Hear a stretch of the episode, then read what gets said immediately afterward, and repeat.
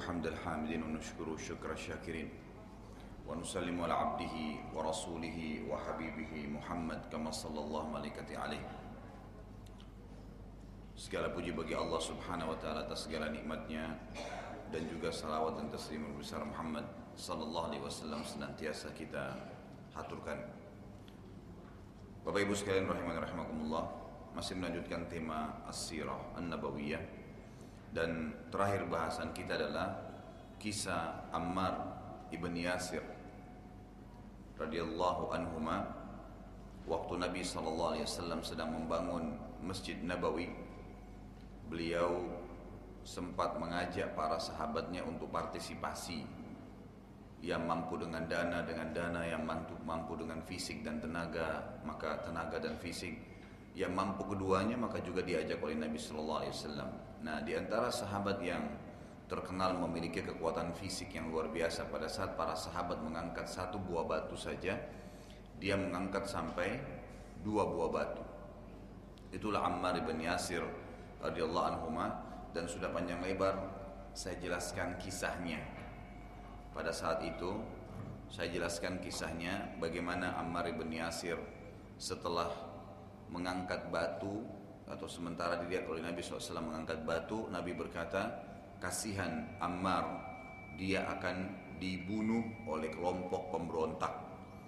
Dan penyampaian Nabi SAW ini terjadi 39 tahun setelah itu tepatnya perang Siffin yang terjadi antara Ali dan Muawiyah radhiyallahu anhuma di mana Ammar bin Yasir berada di pihak pasukan Ali dan dari riwayat ini pula diambil oleh para ahli sejarah bahwasanya memang pada saat terjadi perang Siffin antara Ali dengan Muawiyah radhiyallahu anhum ajma'in ternyata memang Ali di pihak yang benar.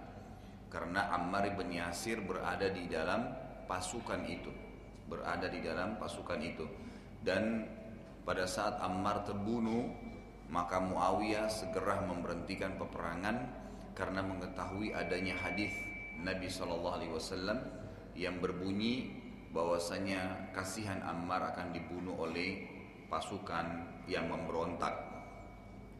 Baik, kisah itu sudah panjang lebar saya jelaskan, saya tidak kembali lagi. Saya lanjutkan langsung tema kita pada hari ini, yaitu pada saat Nabi Shallallahu Alaihi Wasallam proses membangun Masjid Nabawi, dan pada saat itu beliau belum punya rumah, karena setelah pembangunan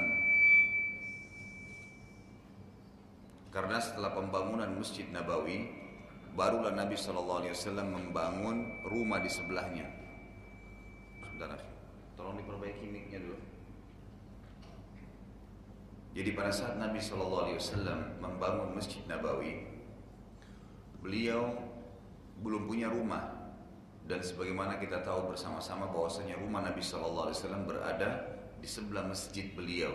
Sebagaimana dijelaskan dalam hadis Bukhari bahwasanya Aisyah radhiyallahu anha berkata, Rasulullah Shallallahu Alaihi Wasallam kalau sedang beriktikaf sedang tinggal gitu kan di e, masjid di bulan Ramadan maka beliau sallallahu alaihi wasallam terkadang memasukkan kepalanya melalui ya jendela masjid ke rumah Nabi sallallahu alaihi wasallam ke kamarnya Aisyah radhiyallahu anha maka kata Aisyah aku pun menyisir rambut Nabi sallallahu alaihi wasallam. Ini menandakan rumah Nabi sallallahu alaihi wasallam dengan masjid dempet. Ya, dempet dengan masjid beliau. Dan ini ya kata para ulama dibolehkan dalam syar'i. Bolehnya seorang imam atau seorang ya pengurus inti atau bahkan pemimpin negara berada atau memiliki tempat tinggal pas bersebelahan dengan masjid agar dia selalu berinteraksi dengan masjid karena salah satu syarat mutlak seorang pemimpin negara adalah harus menjadi imam sebenarnya lima waktu sholat di masjid yang dianggap paling besar di satu lokasi. Makanya Nabi Shallallahu Alaihi Wasallam itu menjadi imam di masjid beliau Shallallahu Alaihi Wasallam dan setelah beliau meninggal Abu Bakar jadi khalifah dan beliau menjadi imam juga di masjid Nabi Shallallahu Alaihi Wasallam lima waktu sholat. Kemudian setelah itu Umar yang datang menjadi khalifah juga sholat menjadi imam di masjid Nabawi. Uthman pun begitu, Ali pun begitu radhiyallahu anhum ajmain. Berarti Nabi SAW dan Khulafaur Rashidin semuanya jadi imam sholat. Idealnya, idealnya presiden kita mestinya itu menjadi imam sholat di Masjid Istiqlal lima waktu sholat. Mestinya begitu. Kalau dalam hukum syari mestinya begitu.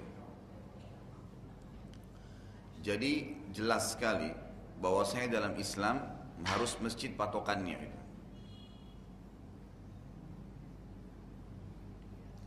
Harus masjid patokannya dan memang itu adalah basis berdirinya negara Islam. Sudah saya jelaskan pada pertemuan yang sebelumnya bahwasanya Nabi SAW mengajarkan kepada kita nanti ada tiga basis berdirinya negara Islam. Yang pertama adalah membangun rumah ibadah yang dikenal dengan masjid yang akhirnya menjadi ya center daripada kota itu atau kegiatan kota tersebut termasuk pemimpinnya sendiri. Itulah yang Nabi SAW lakukan pada saat masuk hijrah di Madinah, membangun Masjid Nabawi dan membangun Masjid Kuba atau Kuba dulu baru Masjid Nabawi. Kemudian yang kedua adalah beliau mempersaudarakan muhajirin dan ansar ini termasuk bahasan kita hari ini. Dan yang ketiga adalah beliau menulis muahada kesepakatan dengan orang-orang kafir yang ada di Madinah ya untuk sama-sama membela kota Madinah pada saat Madinah itu diserang. Baik Nabi Shallallahu Alaihi Wasallam pada saat belum membangun rumah maka beliau terpaksa butuh tempat tinggal karena butuh tempat tinggal maka dan belum dibangun rumahnya baru masjid sementara dibangun beliau terpaksa nginap di rumah salah satu sahabat yang mulia. Dan pada saat itu beliau memilih rumah sahabat yang terkenal bernama Khalid bin Zaid atau terkenal dengan julukannya Abu Ayyub Al-Ansari. Abu Ayyub Al-Ansari. Jadi Nabi SAW sempat menjadi tamu di rumah sahabat ini. Abu Ayyub Al-Ansari ini yang terkenal dan sudah pernah saya titik beratkan kisahnya, beliaulah satu-satunya sahabat yang sempat ya gitu, hidup sampai di zamannya Yazid ibn Muawiyah dan beliau ikut dalam pasukan yang menyerang uh, Konstantinopel ya. di mana Nabi SAW pernah bersabda kalian pasti akan menyerang Konstant dan merebut Konstantinopel. Sungguh sebaik-baik pasukan adalah pasukan pada saat itu dan sebaik-baik pemimpin yang memimpin pasukan tersebut. Juga dalam hadis lain dikatakan pasukan pertama yang menyerang Konstantinopel akan diampuni oleh Allah Subhanahu wa taala. Abu Ayyub Al-Ansari ini pernah ikut dalam peperangan tersebut di zamannya Yazid bin Muawiyah. Jadi waktu Ali radhiyallahu terbunuh, kemudian Muawiyah menjadi khalifah, yang menjadi raja dan mendirikan kerajaan pertama dalam Islam namanya dinasti Umayyah yang berkuasa dari tahun 41 eh, sampai 132 Hijriah. Setelah Muawiyah meninggal dunia, diangkat anaknya bernama Yazid. Nah, di zaman Yazid inilah ada pasukan yang menyerang Konstantinopel dan Abu Ayyub Al-Ansari ikut pada saat itu. Ikut pada saat itu karena ingin mengejar fadilah tadi. Ada sebuah kisah sedikit berhubungan dengan Abu Ayyub sebelum kita masuk bagaimana kisah dia bersama Nabi Shallallahu Alaihi Wasallam pada saat Nabi nginap di rumahnya. Jadi beliau memang sahabat yang sangat mulia. Saya jauh ke depan pada saat beliau akan meninggal dunia, beliau ikut pasukan dengan Yazid menyerang Konstantinopel. Pada saat pasukan itu sudah mendekati benteng Konstantinopel, walaupun pada saat itu muslimin tidak menang karena Konstantinopel itu dibebaskan oleh Sultan Muhammad Fatih di dinasti ya Uthmaniyah nantinya di tahun 1453 Masehi ya 100 eh, 1453 Masehi. Jadi kurang lebih ya 600 tahun sekian ya. Kurang lebih hampir gitu kurang hampir lima, hampir 600 tahunan yang lalu baru dibebaskan Konstantinopel. Jadi di zaman Abu Ayyub belum gitu kan. Tapi di tengah jalan subhanallah Abu Ayyub merasa beliau akan meninggal dunia. Lalu beliau menitip pesan kepada Muaw, eh, pada Yazid pada saat itu yang ikut juga berperang. Wahai Yazid, kalau seandainya aku mati sebelum mencapai benteng Konstantinopel, gitu kan? Maka jangan kuburkan jenazahku kecuali di depan benteng itu. Jadi dia karena inginnya mendapatkan fadilah tadi yang Nabi SAW janjikan bahwasanya pasukan pertama yang menyerang Konstantinopel akan diampuni pasukan yang menyerang dan menang pada saat menyerang Konstantinopel itu adalah sebaik-baik pasukan, pemimpinnya sebaik-baik pemimpin dan pasukannya sebaik-baik pasukan gitu. Pada saat beliau ternyata betul malam hari tidur besok paginya meninggal dunia dan benteng Konstantinopel masih jauh, masih lumayan ya. Maka Yazid pun menjalankan wasiatnya karena pada hari itu Yazid sudah ingin menyerang Konstantinopel menyampai ke bentengnya. Setelah dimandikan Abu Ayyub Al-Ansari dibungkus dengan kain kafan lalu dipikul dengan pasukan muslimin, dipikul dengan pasukan muslimin. Pada saat dipikul dengan pasukan muslimin, dibawa, digotong dengan pasukan menuju ke depan benteng, ternyata ada mata-mata dari orang-orang Romawi. Karena eh, Konstantinopel ini dulu induknya kekuatan Romawi ya, yang sekarang menjadi Turki ya. Yang diubah namanya menjadi Islam, Islam Istanbul sekarang. Itu artinya ya, kota Islam gitu kan. Istanbul bulu itu kan kota. Jadi itu di, diubah oleh Sultan Muhammad Fatih dari Konstantinopel menjadi uh, apa namanya Islam Istanbul baik Waktu itu ada mata-mata dari Romawi yang masuk ke pasukan umat Islam untuk mencari tahu, gitu kan? Untuk mencari tahu tentang kekuatan umat Islam. Waktu dicari tahu kekuatan umat Islam, mereka kaget si mata-mata ini dengan menggunakan pakaian seperti umat Islam. Kok di tengah-tengah pasukan Islam itu ada jenazah yang sedang dipikul? Biasanya kalau ada pasukan prajurit yang mati dikubur aja terus ditinggalin gitu. Ini kenapa jenazahnya dipikul gitu? Mata-mata Romawi ini sempat bertanya kepada salah satu umat Islam di situ, jenazahnya siapa itu? Karena dia berpakaian seperti orang Islam, dia menggunakan bahasa Arab mata-mata ini, maka dikira dia bagian dari pasukan umat Islam.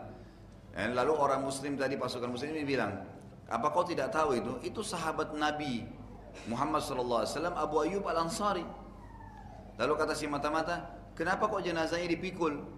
Kata ya uh, orang Islam tadi karena dia titip pesan kepada Amir Mukminin ya Khalifah Yazid bahwasanya dia tidak mau dikuburkan kecuali di depan benteng Konstantinopel karena inginnya ya mendapatkan fadilah tadi. Maka mata-mata Romawi kembali kepada Raja Romawi lalu berkata begini, kayaknya kita nggak bisa kalahin umat Islam. Kenapa ditanya oleh Raja Romawi? Dia bilang jangankan orang hidupnya, orang matinya umat Islam saja mau berperang. Jadi ternyata dengan pesan Abu Ayyub al-Ansari luar biasa gitu, membuat musuh jadi gentar gitu. Tapi memang kondisinya pada saat itu belum Allah berikan kesempatan untuk memenangkan peperangan. Memang nanti ada kisah sendiri nanti kalau kita insya Allah kalau Allah masih mudahin dan Allah panjangkan umur saya bisa membahas tentang Utsmaniyah nanti akan ada bahasan tentang pembebasan Konstantinopel ini gitu kan. Jadi ada ketebalan benteng yang luar biasa. Dia ada dua lapis benteng dan itu kurang lebih ketebalan bentengnya 15 kaki dan 20 kaki, dua lapis gitu kan. Dan tingginya pun sama, tingginya sekitar 20 kaki. Jadi sangat tinggi sebenarnya dan sangat tebal tembok itu baru bisa masuk ke kota. Apalagi di antara tembok satu dan tembok kedua tuh ada danau gitu kan. Yang tidak bisa ditembus susah sekali, susah sekali ditembus. Baik intinya adalah kisah jenazahnya tadi Abu Ayyub Al-Ansari yang kita ingin ditiberatkan. Baik, kita kembali lagi ke belakang jauh sebelum Abu Ayyub meninggal dunia, waktu awal-awal Nabi SAW membangun Masjid Nabawi, sempat beliau menjadi tamu di rumah sahabat yang mulia ini Abu Ayyub Al-Ansari atau Khalid bin Zaid radhiyallahu anhum. Kebetulan waktu menjadi tamu di rumah Abu Ayyub Al-Ansari, Nabi SAW sempat kena rumahnya dua tingkat di atau meminta kepada Abu Ayyub agar dipersilahkan nginap di lantai satu atau lantai pertama Lantai kedua Abu Ayub dan istrinya. Biasanya Abu Ayub nginap di lantai satu gitu. Tapi permintaan Nabi SAW di lantai pertama, walaupun Abu Ayub minta Nabi di atas, karena di atas itu untuk tamu memang gitu. Hanya saja kondisi rumah pada zaman dulu beda, tidak seperti sekarang. Kita sekarang sudah ada cor beton kayak ini gitu kan. Kalau ada air tumpah di atas itu pun kadang-kadang masih netes gitu. Kalau ada celah-celah semen yang kurang bagus maka mungkin bisa tembus airnya. Apalagi di zaman dulu itu hanya batang-batang pohon kurma yang dirapat-rapatin kemudian ditempelin tanah liat yang dikeringkan. Jadi kalau basah itu jelas bisa turun tanahnya gitu. Maka Nabi SAW berkata, saya akan di lantai satu wahai Abu Ayyub karena permasalahannya kami akan sering atau banyak kedatangan tamu. Akan banyak kedatangan tamu. Abu Ayyub pun mengatakan baiklah ya Rasulullah. Kemudian Abu Ayyub nginap di malam hari di lantai dua rumahnya. Tengah malam Abu Ayyub seperti mungkin kita biasa Umumnya orang menyiapkan air minum kalau dia haus malam di dekatnya gitu. Waktu Abu Ayyub akan tidur sama istrinya dan zaman itu kebetulan lagi pada saat itu kebetulan lagi musim dingin dan Madinah ini sangat dingin. Kalau dingin itu luar biasa gitu. Ya, waktu kami masih mahasiswa di sana itu kalau musim dingin bisa mencapai 5 derajat, 4 derajat, dingin sekali. Dan kadang-kadang eh, apa namanya?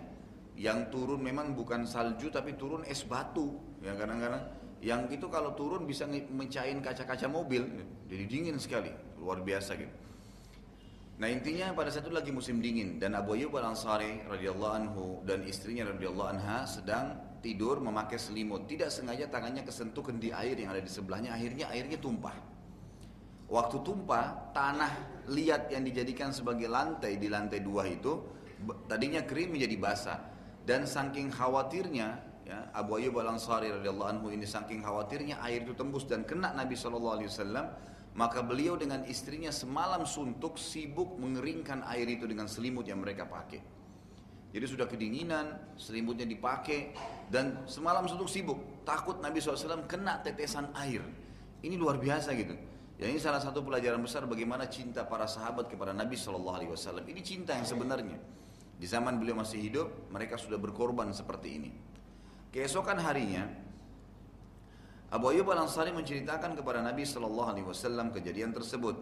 Lalu berkata, ya Rasulullah, gitu, kami semalam terjadi seperti ini. Maka kami khawatir gitu. Lebih baik anda yang tidur di atas. Lebih baik anda yang tidur di atas. Maka Nabi Shallallahu Alaihi Wasallam pun setuju tentunya dengan pindah ke lantai atas.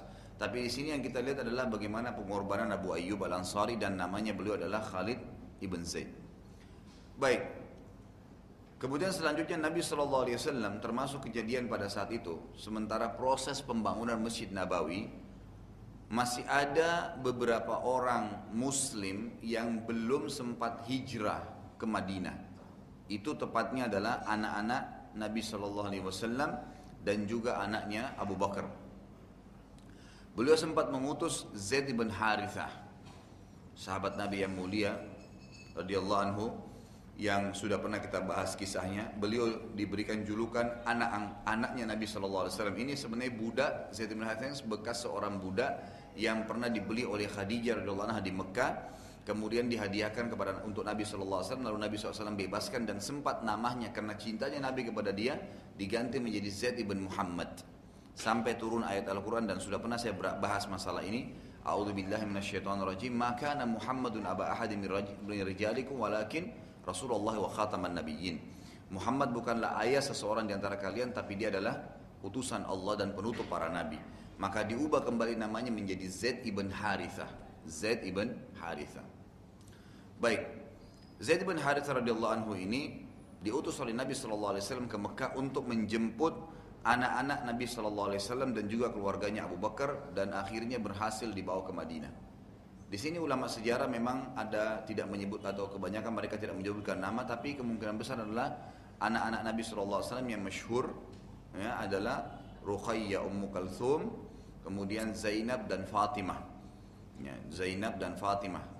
Hanya saja di sini masih khilaf di antara ulama apakah Ruqayyah ikut atau tidak. Karena Ruqayyah ini menikah dengan Uthman bin Affan masih di Mekah. Dan disebutkan dalam beberapa riwayat yang lain baru beberapa bulan menikah itu sudah meninggal. Dan akhirnya Nabi SAW menikahkan Uthman lagi dengan Ummu Kalthum ya radhiyallahu anhum ajma'in. Dan kemungkinan kata pak ahli sejarah yang ikut hijrah adalah Ummu Kalthum, Zainab dan Fatimah. Kemudian dari keluarga Abu Bakar sendiri adalah istri Abu Bakar dan juga anaknya dua orang Asma dan juga Aisyah radhiyallahu anhunna. Baik, ini termasuk kejadian yang terjadi pada saat itu sementara proses Masjid Nabawi lagi dibangun. Kemudian juga ada pelajaran besar di sini saudaraku. Ada hadis Nabi SAW yang berbunyi dan ini juga sudah pernah saya titip beratkan mudah-mudahan Bapak masih ingat. Saya ingatkan kembali. Membangun masjid itu fadilahnya sangat besar. Dan ini Nabi SAW lakukan pada saat saya katakan tadi, ya, mem, e, begitu masuk ke Madinah, membangun pondasi asas negara Islam adalah e, masjid dulu, kemudian mempersoalkan hari dan asan dan muahadah mencatat kesepakatan dengan orang-orang kafir. Masjid ini selain daripada memang basis umat Islam bertemu, juga yang membangunnya dapat fadilah. Sebagaimana sabda Nabi SAW, "Membana baitan, membana masjidan lillahi, banallahu lahu baitan fil jannah." Siapa yang membangun untuk Allah masjid di muka bumi, Allah akan bangunkan baginya istana di surga. Baik kita menyumbang total masjid semua, atau kita nyumbang sebagian. Baik itu materi ataupun tenaga, sama. Sebagaimana sabda Nabi SAW, siapa yang membangun masjid di muka bumi sebesar cakaran kaki burung di tanah, maka Allah akan membangunkan baginya istana di surga. Jadi Bapak Ibu sekalian Allah, kalau seandainya ada masjid di sekitar rumah kita lagi dibangun, maka ikutilah dan contohilah para sahabat ridwanullahi alaihim pada saat lagi dibangun Masjid Kuba dan Masjid Nabawi, mereka selain membantu materi, mereka juga membantu fisik dan tenaga. Termasuk mengangkat batunya, Eh, mungkin mengangkat kaleng-kaleng catnya kalau kita sekarang. Itu semua berarti juga punya andil dalam pembangunan masjid tadi. Jadi tidak selamanya berbentuk materi uang gitu kan? Ini juga semua pelajaran yang bisa kita ambil dari pembangunan masjid Nabawi. Baik ada sebuah kisah yang menarik pada saat itu. Di proses ini ya sementara proses pembangunan masjid Nabawi belum selesai masjidnya. Dan pada saat itu masjid Nabawi sangat sederhana masih sangat sederhana ada seorang pendeta Yahudi atau salah satu eh, pendeta Yahudi yang pemimpin pendeta Yahudi di Madinah namanya Abdullah bin Salam radhiyallahu anhu. Orang-orang Yahudi ini saudaraku tahu kebenaran tapi tidak mau mengimani. Alasan mereka sudah pernah saya juga titik beratkan karena mereka punya fanatisme keturunan. Mereka menganggap harusnya nabi terakhir itu dari Bani Israel, dari turunan Nabi Yakub alaihissalam. Tapi ternyata Nabi terakhir datangnya dari turunan Ismail, anak-anak dari istri yang lain, ya dari Nabi Ibrahim alaihissalam gitu kan. Dan mereka menganggap itu ya tidak perlu beriman kepadanya. Jadi orang-orang Yahudi tahu. Makanya Allah menyebutkan dalam Al-Quran tentang orang-orang Yahudi, A'udzubillahi minasyaitonirrajim, ya'rifunahu kama ya'rifuna abna'ahum. Mereka sangat mengenal siapa itu Muhammad SAW sebagai Rasul, sebagaimana mereka mengenal anak-anak mereka. Jadi orang-orang Yahudi tahu gitu kan. Makanya orang-orang Yahudi nanti akan kita lihat kisahnya di sini. Mereka tahu kebenaran tapi mereka menolak dan Abdullah bin Abbas radhiyallahu anhu sahabat Nabi yang mulia pada saat menafsirkan surah Al-Fatihah ghairil maghdubi alaihim waladdallin bukan orang-orang yang kemurkahi Allah dan bukan orang-orang yang sesat. Beliau mengatakan orang-orang yang dimurkahi Allah maghdubi alaihim adalah Yahudi dan dallin adalah Nasrani. Kenapa beliau mengatakan begitu? Beliau mengatakan karena orang-orang Yahudi tahu kebenaran tapi nggak mau diikutin, maka Allah murka pada mereka. Dan orang-orang Nasrani tidak tahu kebenaran tapi mau disebarin, maka mereka adalah orang yang dhal, orang-orang yang sesat, gitu kan? Tapi inti bahasan adalah orang-orang Yahudi tahu kebenaran, mereka tidak mau beriman. Baik, Salah satu fakta bahwasanya orang Yahudi seperti itu sifatnya adalah riwayat Abdullah bin Salam adalah dan ini juga disebutkan oleh Imam Bukhari dalam kitabnya. Saat Nabi SAW tiba di Madinah, banyak kelompok dan individu yang ingin bertemu dengan Nabi SAW. Di antaranya adalah salah satu pendeta Yahudi yang bernama Abdullah bin Salam radhiyallahu anhu. Abdullah bin Salam bercerita tentang dirinya sendiri. Dalam riwayat Bukhari ini dia cerita begini. Saat Nabi SAW tiba di Madinah, Aku sedang berada di rumah khalatiku. Khalati ini saudari dari ibu, ya, adiknya ibu atau kakaknya ibu yang perempuan. Dalam bahasa Arab dipanggil khalati, ya tanteku gitu kan. Dan ini saya selalu sarankan juga dalam pengajian-pengajian. Mudah-mudahan kita bisa menerapkan ya kalimat-kalimat bahasa Arab dalam kehidupan kita itu sangat baik. Ya kalau dari keluarga ayah laki-laki dipanggil, kalau paman dari ayah itu dipanggil am. Ya kalau paman saya berarti ami kan biasa gitu. Kalau saudari perempuan tante dari ibu dikatakan ammah atau ammati, ya kan gitu. Kalau saudara ibu itu dikatakan laki-laki khal, kalau perempuan khalah. Kalau kita mengatakan om saya dari ibu, kita mengatakan khali. Kalau tante dari ibu, kita mengatakan khalati. Makanya ada hadis Nabi SAW yang berbunyi, al khalatu bimanzilatil um tante itu dari ibu adalah posisinya sama dengan ibu. Jadi kalau ibu kita sudah meninggal, kita wajib bakti dengan saudarinya ibu kita. Gitu kan? Penggantinya ibu, adik atau kakaknya. Jadi kita bisa kejar surga dari tante dari ibu itu, gitu kan? Dan posisi dalam bakti dengan ibu ini lebih dekat pada saat kita bakti dengan saudarinya, kakak atau adiknya. Baik. Kata Abdullah bin Salam, saya lagi di rumah khalatiku atau adik ibuku, Lalu aku bertakbir dengan suara keras sambil berkata Allahu Akbar. Abdullah bin Salam teriak dengan keras karena Abdullah bin Salam ini kepalanya pendeta dan dia sudah tahu, sangat tahu bahwasanya di Madinah ini dan orang-orang Yahudi hijrah ke Madinah tujuannya karena mereka tahu nih Madinah adalah mahjurun Nabi, tempat hijrahnya Nabi terakhir nanti. Dan pada saat mereka atau Abdullah bin Salam mendengar ada Nabi di Mekah keluar dan ciri-cirinya semuanya ada pada ya diri Nabi Muhammad SAW, ciri Nabi terakhir disebutkan dalam Taurat, maka Abdullah bin Salam bertakbir karena memang ini kesempatan beriman gitu.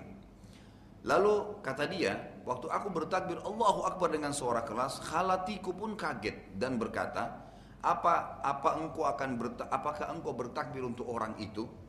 Sementara bila Musa saja datang, belum tentu engkau bertakbir sekeras itu.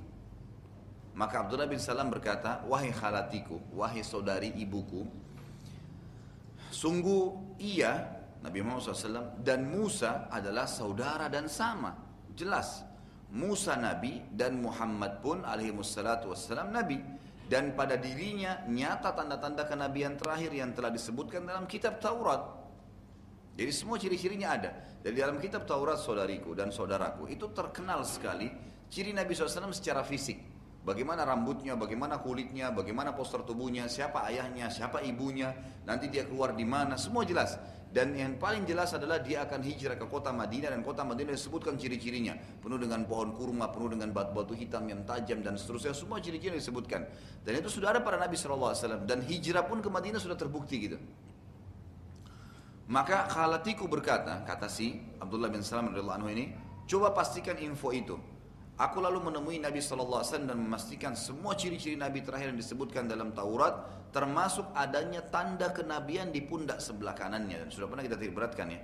Semua nabi, semua nabi itu diberikan oleh Allah SWT tanda di pundak sebelah kanannya, bentolan seperti daging berwarna merah yang ada di kerumuni atau dipenuhi dengan bulu-bulu, gitu kan? Tapi ini ya nabi-nabi dan memang sampai Nabi Muhammad SAW. Jangan sampai sekarang ada bapak-bapak di sini ada bentolan lalu ngaku nabi, gitu kan? Sudah nggak nyambung karena Nabi SAW adalah penutup para nabi gitu. Baik, setelah memastikan itu, ya, kata dia, maka aku pun mengikrarkan dua kalimat syahadat langsung masuk Islam. Lalu aku berkata pada Nabi SAW, wahai Rasulullah, tolong rahasiakan masuk Islamku ini, karena orang-orang Yahudi ini kata Abdullah bin Salam pendeta mereka. Apa yang dia katakan dan ini berlaku sampai hari kiamat. Sifat orang Yahudi sama subhanallah. Gitu kan? Orang-orang karena sungguh Yahudi adalah suku yang suka berkhianat. Tetapi anda boleh memanggil pemimpin-pemimpin Yahudi dan tanyakan pada mereka tentang siapa aku dan bagaimana kedudukanku di hadapan mereka. Sementara anda sudah mengumpulkan seluruh masyarakat Madinah. Jadi Abdullah bin Salam ini ingin mengatur sebuah strategi, ingin menjebak orang-orang Yahudi agar beriman pada Nabi Sallallahu Alaihi Wasallam. Bagaimana caranya? Dia bilang pada Rasulullah SAW, wahai Rasulullah rahasiakan masuk Islam saya ini. Nanti anda kumpulkan seluruh masyarakat Madinah, lalu undang pendeta-pendeta mereka datang yang paling mereka hormatin. Kemudian tanya tentang aku kepada mereka, pendeta-pendeta ini di hadapan seluruh masyarakat Madinah. Siapa itu Abdullah bin Salam?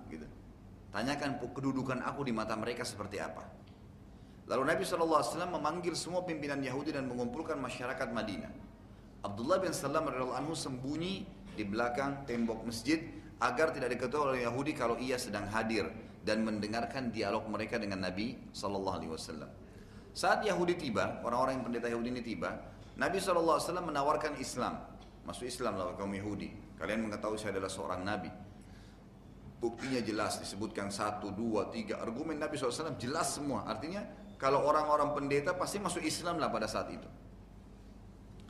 Tetapi ternyata mereka menolak. Karena mereka sudah sepakat gitu kan.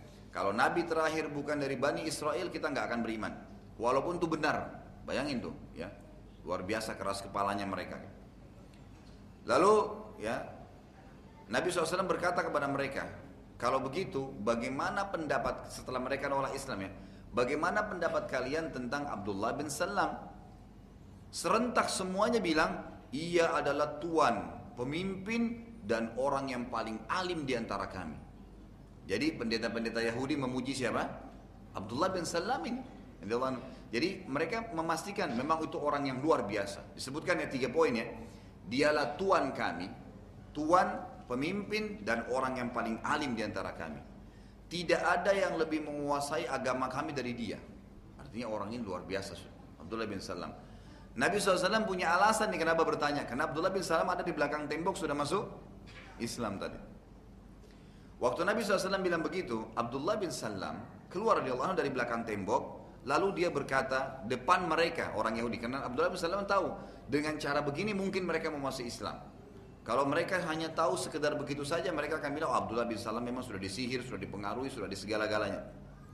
Abdullah bin Salam lalu keluar dari tempat sembunyi dan berkata dengan depan mereka dan disaksikan oleh seluruh masyarakat Madinah waktu itu yang dikumpulkan oleh Nabi SAW, aku bersaksi dari orang yang berhak disembah kecuali dan Muhammad benar-benar utusannya. Syahadat depan mereka. Serentak, serentak seluruh pendeta Yahudi yang hadir bilang apa? Dialah orang yang paling bodoh di antara kami, dia orang yang paling pendusta. Padahal baru tadi dipuji. Begitu caranya gitu luar biasanya mereka gitu. Lihat bagaimana kedustaan orang-orang Yahudi. Pernah hampir kasus yang serupa dan Abdullah bin Salam juga menjebak mereka. Ada satu tokoh orang Yahudi dalam hadis Bukhari dikatakan pernah berzina dan hukum di Taurat, di Injil, di Quran sama. Kalau orang sudah menikah namanya muhsan, ya, itu hukumnya dirajam. Gitu kan hukumnya dirajam. Kecuali kalau dia sempat taubat, memang tidak ditahu oleh pemerintah dia taubat itu lain. Kadang-kadang juga kalau kayak di Saudi diterapkan hukum sekarang kalau dia sudah berzina pun dia taubat maka umumnya dimaafin. Tapi kalau tidak tetap dia mengotot, tetap dia ulangin, sudah ditangkap, diingatin, diulangin lagi besok maka dirajam, gitu kan? Sekarang hukumnya dirajam, tapi orang ini tokoh masyarakat Yahudi, mereka nggak mau terapin hukum. Bagaimana caranya? Mereka cari jalan nih. Maka mereka bilang, kayaknya lebih tepat kalau kita pergi ke Nabi ini. Maksudnya Nabi Muhammad SAW. Mereka tahu ini Nabi tapi nggak mau beriman. Sementara kan Nabi SAW berkata apa? Tidak ada seorang pun dalam hadis Sahih riwayat Imam Muslim dari Yahudi, Nasrani, ya, Majusi atau orang-orang yang menyembah selain Allah SWT disilakan Majusi menyembah api, menyembah pohon, menyembah segala yang mendengarkan aku diutus menjadi nabi sudah dengar tidak usah bicara lihat dengar aja dan dengar ini artinya di ujung dunia pun kalau dia sudah dengar ini kena hadis ini. Tidak ada seorang pun Yahudi, Nasrani, Majusi yang mendengarkan saya diutus menjadi nabi dan mereka tidak beriman pada saya dan mereka meninggal dalam keyakinan tersebut kecuali pasti menjadi penghuni neraka. Artinya pasti masuk neraka karena walaupun mereka ngaku beriman sama Allah, walaupun mereka mengikuti Musa, walaupun mereka mengikuti Isa. Bahkan Nabi SAW mengatakan dalam hadis lain, demi jiwa aku yang di tangannya kalau seandainya Musa hidup sekarang maka Musa akan menjadi pengikutku. Jangankan orang Yahudi Musa pun alaihissalam kalau hidup dia pasti akan milih menjadi pengikut Nabi Muhammad sallallahu alaihi wasallam. Karena Musa adalah nabi di satu komunitas saja Bani Israel kan? Sementara Nabi Muhammad SAW adalah nabi untuk seluruh alam semesta. Wa ma arsalnaka illa rahmatan lil alamin. Kami tidak utus kaum Muhammad kecuali petunjuk bagi seluruh alam semesta ini Baik, orang-orang Yahudi ini dengan menolak. Mereka tidak mau. Satu kali ada pimpinan mereka berzina. Mau dihukum, ini pimpinan. Bagaimana caranya gitu? Maka mereka mau merekayasa hukum supaya tidak dirajam, gitu kan? Ada dalam Taurat. Mereka datang ke masjid Nabi SAW dan berkata, Wahai Muhammad, apakah kau punya hukum yang kau milikin dari Allah? Mereka tahu itu dari Allah gitu kan? Yang e, menjelaskan bagaimana hukumnya kalau seseorang yang sudah menikah berzina.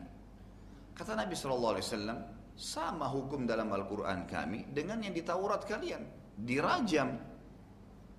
Kata mereka begini, kami nggak temukan dalam kitab kami ada kata rajam, gitu kan? Abdullah bin Salam nih, sahabat tadi yang jadi yang dari pendeta mereka masuk Islam, hadir di situ. Abdullah bin Salam bilang, Coba baca dalam surah ini, dalam ayat ini, di kitab Taurat. Orang-orang Yahudi begitu lihat Abdullah bin Salam, dia tahu nih, ini orang hafal Taurat. Dibuka Taurat, kemudian pendeta yang sedang baca, itu menutup dengan ibu jarinya kata-kata rajam. Dibacalah ayat itu, kalau orang berzina sudah menikah begini, hukumlah ya Sesuai dengan hukum Allah. Tapi bunyi ayatnya, hukumlah dengan rajam sesuai hukum Allah. Kata rajamnya ditutup dengan ibu jarinya. Dilewatin sama dia. Abdullah bin Salam datang ke situ, diangkat ibu jarinya. Kamu lupa baca ini. Akhirnya orang-orang Yahudi dipermalukan sendiri gitu. Mereka pulang dan itu cuma ditutup sama jarinya. Itu luar biasa gitu. Dan itu berlaku sampai sekarang. Mereka luar biasa gitu. Orang, -orang Yahudi ini. Makanya dalam hadis lain kata Nabi SAW, kalau ada, kalau ada, gitu kan, 12 orang saja dari orang Yahudi ini ditunjuk orang-orang Yahudi di Madinah yang beriman pada saya maka semua Yahudi bisa beriman. Saking susahnya Yahudi masuk Islam gitu. Mereka nggak mau. Fanatik yang salah gitu yang gitu. Yang masuk Islam dari orang Yahudi berapa orang saja gitu. Kalau nggak salah di kalangan sahabat Yahudi itu mungkin cuma 4 atau 5 orang maksimal jadi kata Nabi SAW kalau 12 orang beriman maka semua Yahudi bisa masuk Islam tapi dasarnya memang susah gitu maksudnya di zaman beliau masih hidup Baik. Sofia binti Huyai. Siapa orang ini? Istri Nabi Sallallahu Alaihi Wasallam. Huyai bin Akhtab nanti akan kita bahas di perang Khaybar adalah rajanya orang-orang Yahudi di Khaybar dan Nabi SAW nanti akan membebaskan Khaybar dan menghukum orang-orang Yahudi. Nah nanti di perang Khaybar itu akan ada bahasan Sofia radhiyallahu anha yang akan jadi istri Nabi SAW itu ayahnya dia adalah pimpinan orang-orang Yahudi di Khaybar, gitu kan? Tadinya tinggal di Madinah tapi nanti akhirnya pindah ke satu lokasi namanya Khaybar dan Nabi SAW akan menyerang mereka. Sofia waktu itu anaknya Huyai bin Akhtab ini, ya pimpinan Yahudi. Waktu belum dia masuk Islam tentunya, karena nanti dia akan jadi tawanan perang dan menjadi bagian daripada Nabi atau haknya Nabi SAW, harta rampasan perang Nabi SAW dan Nabi bebasin lalu Nabi SAW menikahi salah satu istri Nabi SAW. Sofia binti Huyai radhiyallahu anha yang merupakan nanti jadi istri Nabi SAW berkata, pada saat itu ya, belum masuk Islam, belum jadi istri Nabi. Dia berkata, aku adalah orang yang paling dicintai oleh ayahku Uhuyai bin Akhtab. Ayahnya ini selain raja juga seorang pendeta Yahudi. Tidak pernah ia melihatku kecuali pasti aku dipeluknya. Begitu pula dengan pamanku Yasir bin Akhtab, juga seorang pendeta yang terkenal. Ya. Suatu hari saat mereka selesai menemui Nabi Muhammad SAW, maksudnya waktu Abdullah bin Salam menjebak mereka tadi. Bukan menjebak tentang masalah ayat rajam ya, bukan. Menjebak tadi masuk Islamnya Abdullah bin Salam yang sembunyi belakang tembok gitu. Biasanya mereka berdua pulang memelukku, karena waktu itu Sofia masih kecil ya.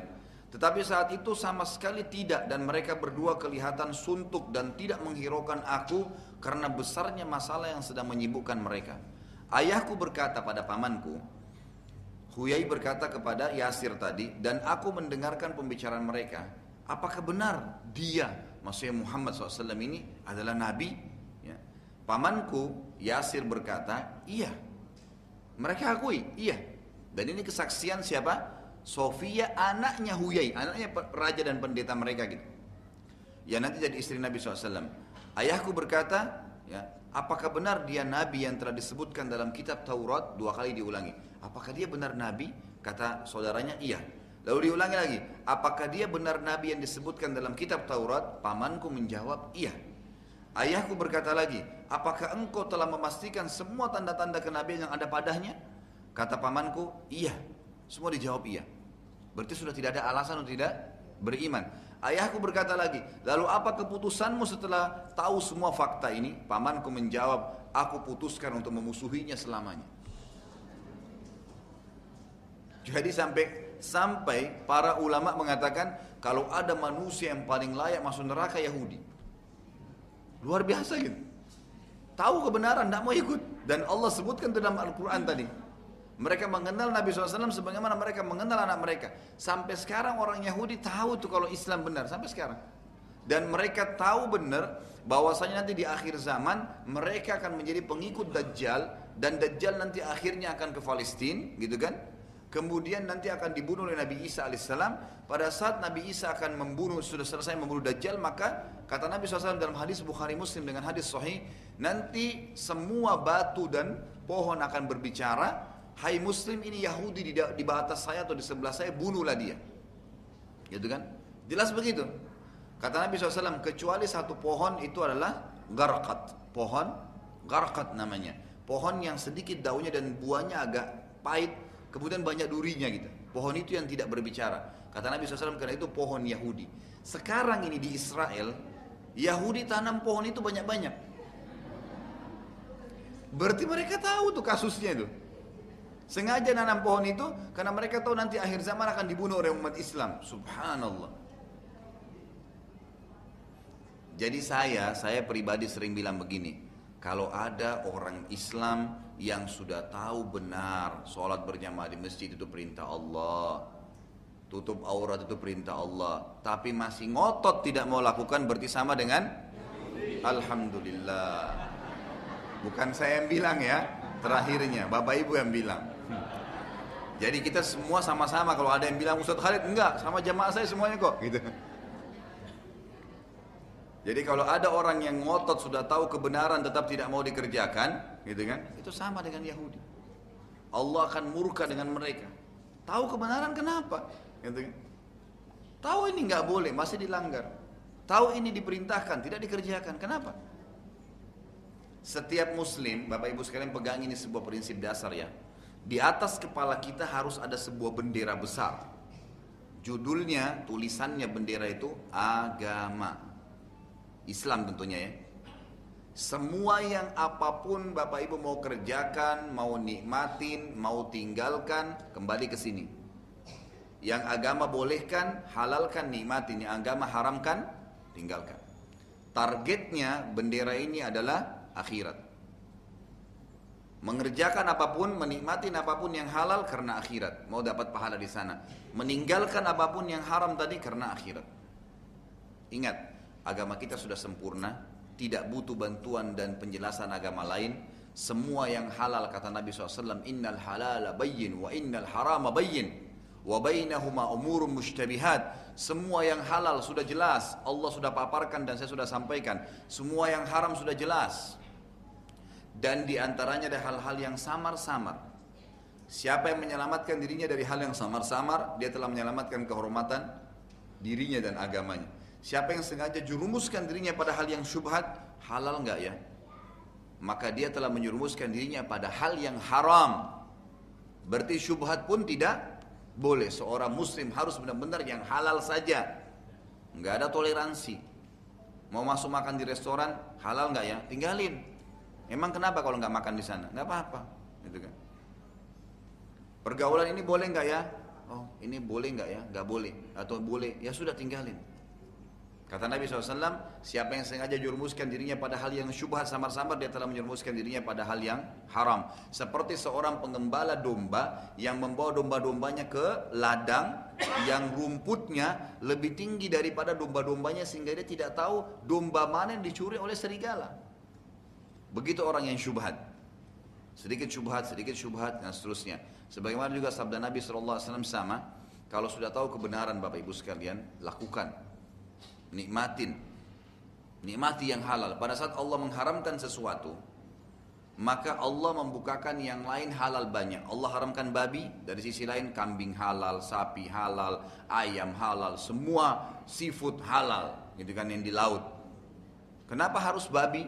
Allah haramkan khamar. Kenapa harus masih cari yang lain sementara ada susu, ada sirup, ada air putih, ada banyak yang lain.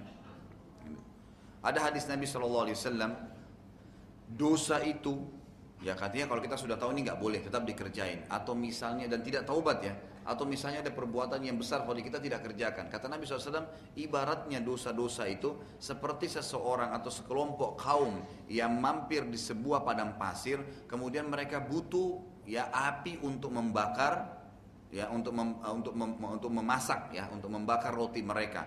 Maka setiap orang di antara mereka mengumpulkan ranting-ranting yang kecil. Ranting kecil dikumpul-kumpulin sampai jadi banyak. Kemudian mulailah mereka membakar ranting tersebut. Tadinya kalau satu ranting tidak mampu untuk membakar roti kan gitu.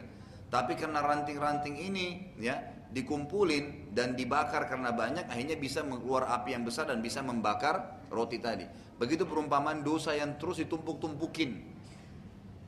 Awalnya kecil, awalnya kecil. Tapi kalau lama-lama kecil, kecil, kecil, kecil, akhirnya kata Nabi SAW bisa memusnahkan dia.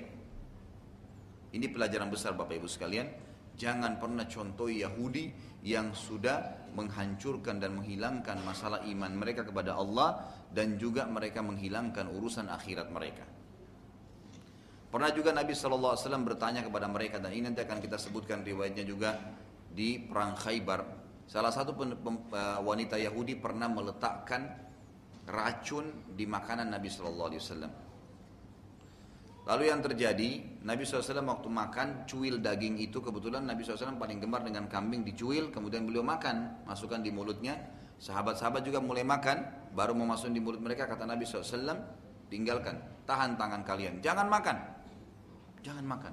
Loh, kata sahabat ya Rasulullah kami berperang 43 hari mengepung khaybar, kelaparan, makanan kurang, kenapa kami nggak boleh makan? Kata Nabi SAW, tahan tangan kalian, panggil pendeta-pendeta Yahudi di, di, di benteng ini, datang semua pendeta Yahudi. Kata Nabi SAW, hai orang-orang Yahudi, saya mau tanya, saya mau tanya pada kalian.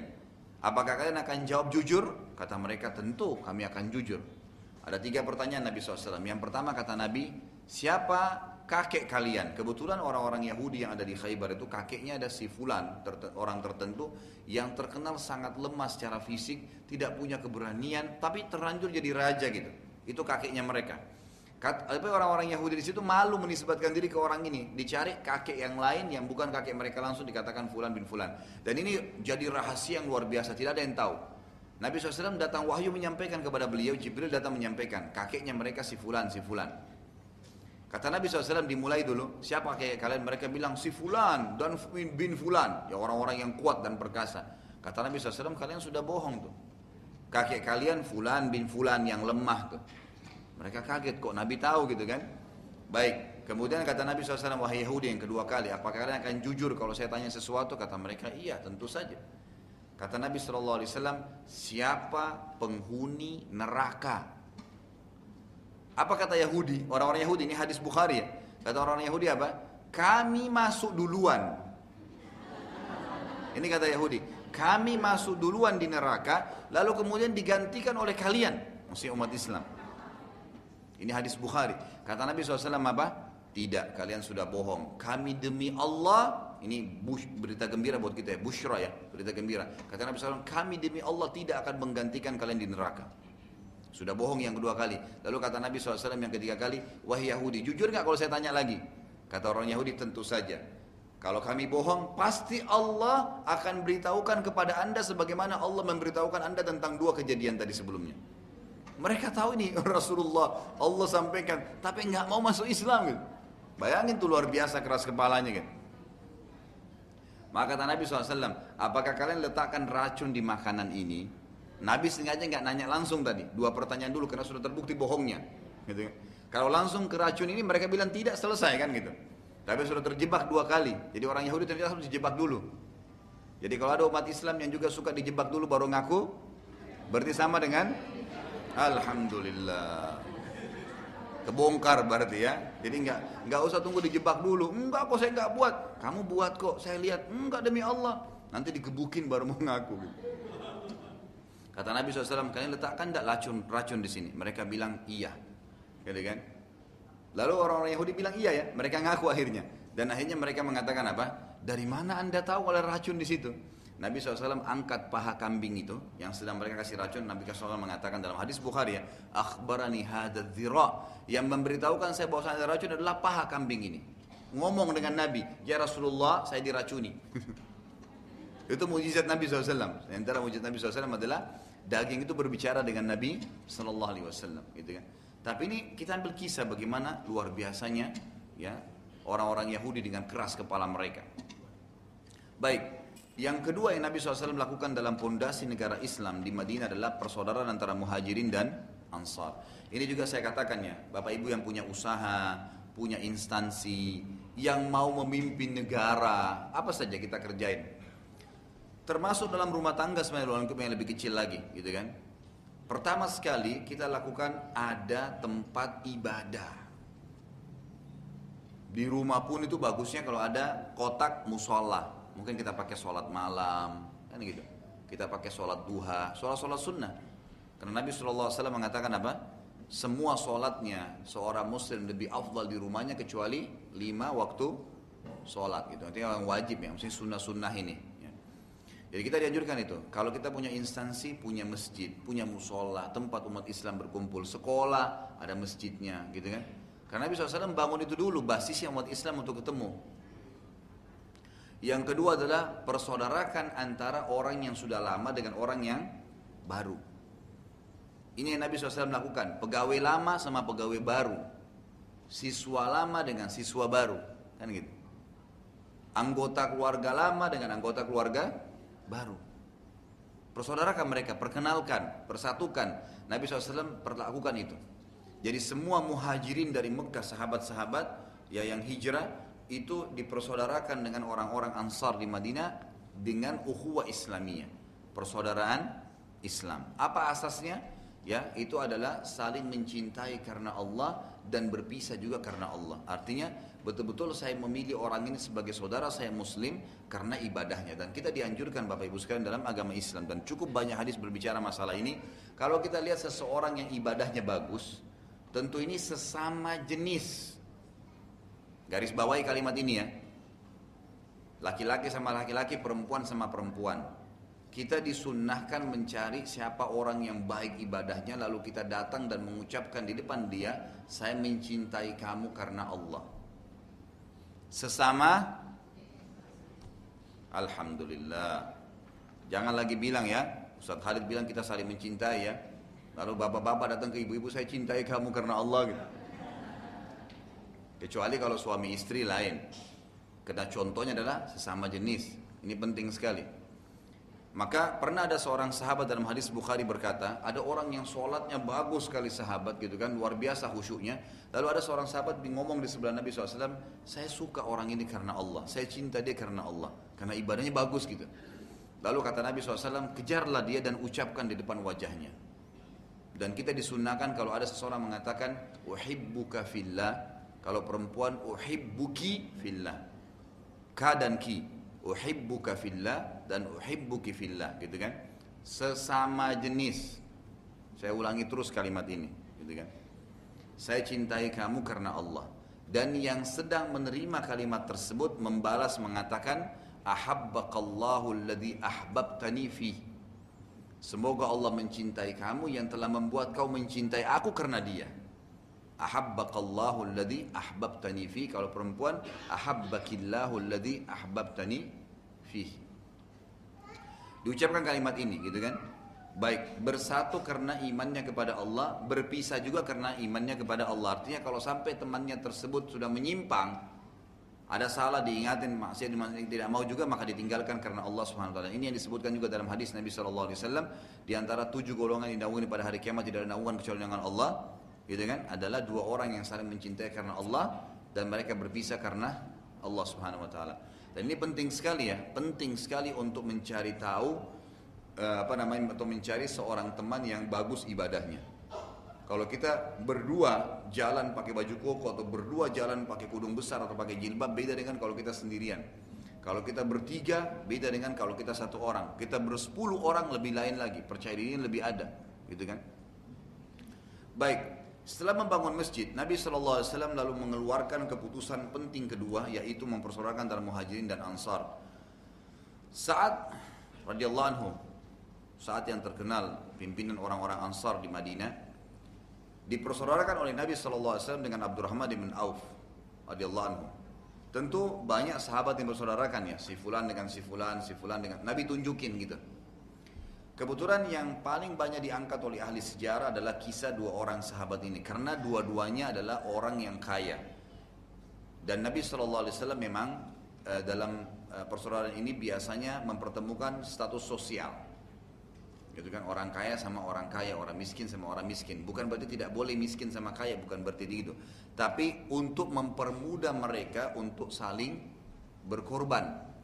Karena dalam ukhuwah Islamiyah ini harus benar-benar berkorban. Makanya ada seorang sahabat, ya bukan sahabat, tabiin datang kepada Abdullah bin Mas'ud dalam riwayat yang sahih, sahabat Nabi yang mulia radhiyallahu anhu. Dia mengatakan, wahai ibnu Mas'ud, aku mencintai kau karena Allah. Kata apa kata Abdullah bin Mas'ud? Apakah kau bersedia kantongmu menjadi kantongku? Sebagaimana aku bersedia kantongku menjadi kantongmu. Artinya, kebutuhanku adalah kebutuhanmu, kebutuhan adalah kebutuhanku. Itu persaudaraan Islam. Sama-sama saling membantu. Maka orang itu mengatakan, tidak, saya tidak bersedia. Kata Abdullah Mas'ud, kalau gitu pergilah, jangan bersaudara dengan saya. Gitu kan? Karena nggak bisa, ukhuwah Islamnya harus didukung. Ya, sahabat yang benar adalah sahabat yang berkorban untuk kita, gitu kan? Makanya jenjang sosial juga berpengaruh. Jenjang sosial juga berpengaruh di sini. Tapi sekali lagi bukan berarti tidak boleh gitu kan, tapi lebih tepat. Ini contoh dari Nabi SAW bagaimana beliau saudarakan antara saat radhiyallahu saat ini orang kayanya Madinah. Semua perkebunan kurma di Madinah setengahnya punya dia. Gitu kan? Waktu Nabi SAW bersaudarakan dengan dengan Abdullah bin Abdurrahman bahwa siapa Abdullah bin Auf? Abdullah bin Auf adalah sahabat Nabi yang terkaya di Mekah. Sejajar dengan Uthman bin Affan, orang kaya raya gitu. Tapi waktu beliau hijrah ke Madinah, hartanya banyak diambil oleh orang-orang Quraisy Mekah, ditinggalin rumahnya kekayanya, juga termasuk istrinya tidak mau masuk Islam, maka ditinggal di Mekah. Jadi beliau datang ke Madinah itu sendirian. Kalau anak-anaknya tidak ada penyebutan dalam riwayat, saya juga tidak tahu, tapi istrinya jelas tidak mau masuk Islam gitu. Berangkatlah ke Madinah lalu dipersaudarakan dengan Sa'ad. Begitu Nabi SAW menunjuk, Hai Sa'ad, kau bersaudara mulai hari ini dengan Abdurrahman bin Auf. Abdurrahman uh, Sa'ad radhiyallahu anhu karena ingin menunjukkan cintanya karena Allah ini dia mengatakan, Wahai Abdurrahman, saya punya dua orang istri. Yang kalau seandainya kau suka salah satunya silakan lihat. Maka saya akan ceraikan, lalu kau nikahi salah satunya setelah masa iddahnya. Kemudian saya juga yang memiliki kebun kurma yang terbesar di Madinah. Saya semua kebun kurma ini setengahnya punya saya. Maka saya siap mulai sekarang bagi dua kalau kita katakan kebun kurma, Bapak Ibu sekalian, saya tidak tahu Bapak Ibu kalau umroh itu dijelasin nggak di jalanan biasa kalau terus ini. Kalau saya bimbing umroh itu saya jelasin panjang lebar. Di antaranya sebenarnya di Saudi sampai hari ini dari zaman Nabi dulu sampai sekarang gitu kan, orang dilihat kayahnya itu dari banyaknya kebun kurmanya. Jadi bukan dari mobilnya, bukan dari rumahnya. Karena pohon kurma satu tuh mahal sekali dan perawatannya susah. Jadi kalau dia punya kebun kurma itu berarti orang kaya raya tuh di Madinah. Sampai sekarang di Jazirah Arab umumnya ya, orang kalau punya kebun kurma itu berarti orang kaya gitu. Jadi dia bilang setengah perkebunan kurma di Madinah, Madinah besar sekali, gitu kan, dan terkenal seluruh Madinah itu penuh dengan pohon kurma sampai hari ini. Maka saya akan bagi dua.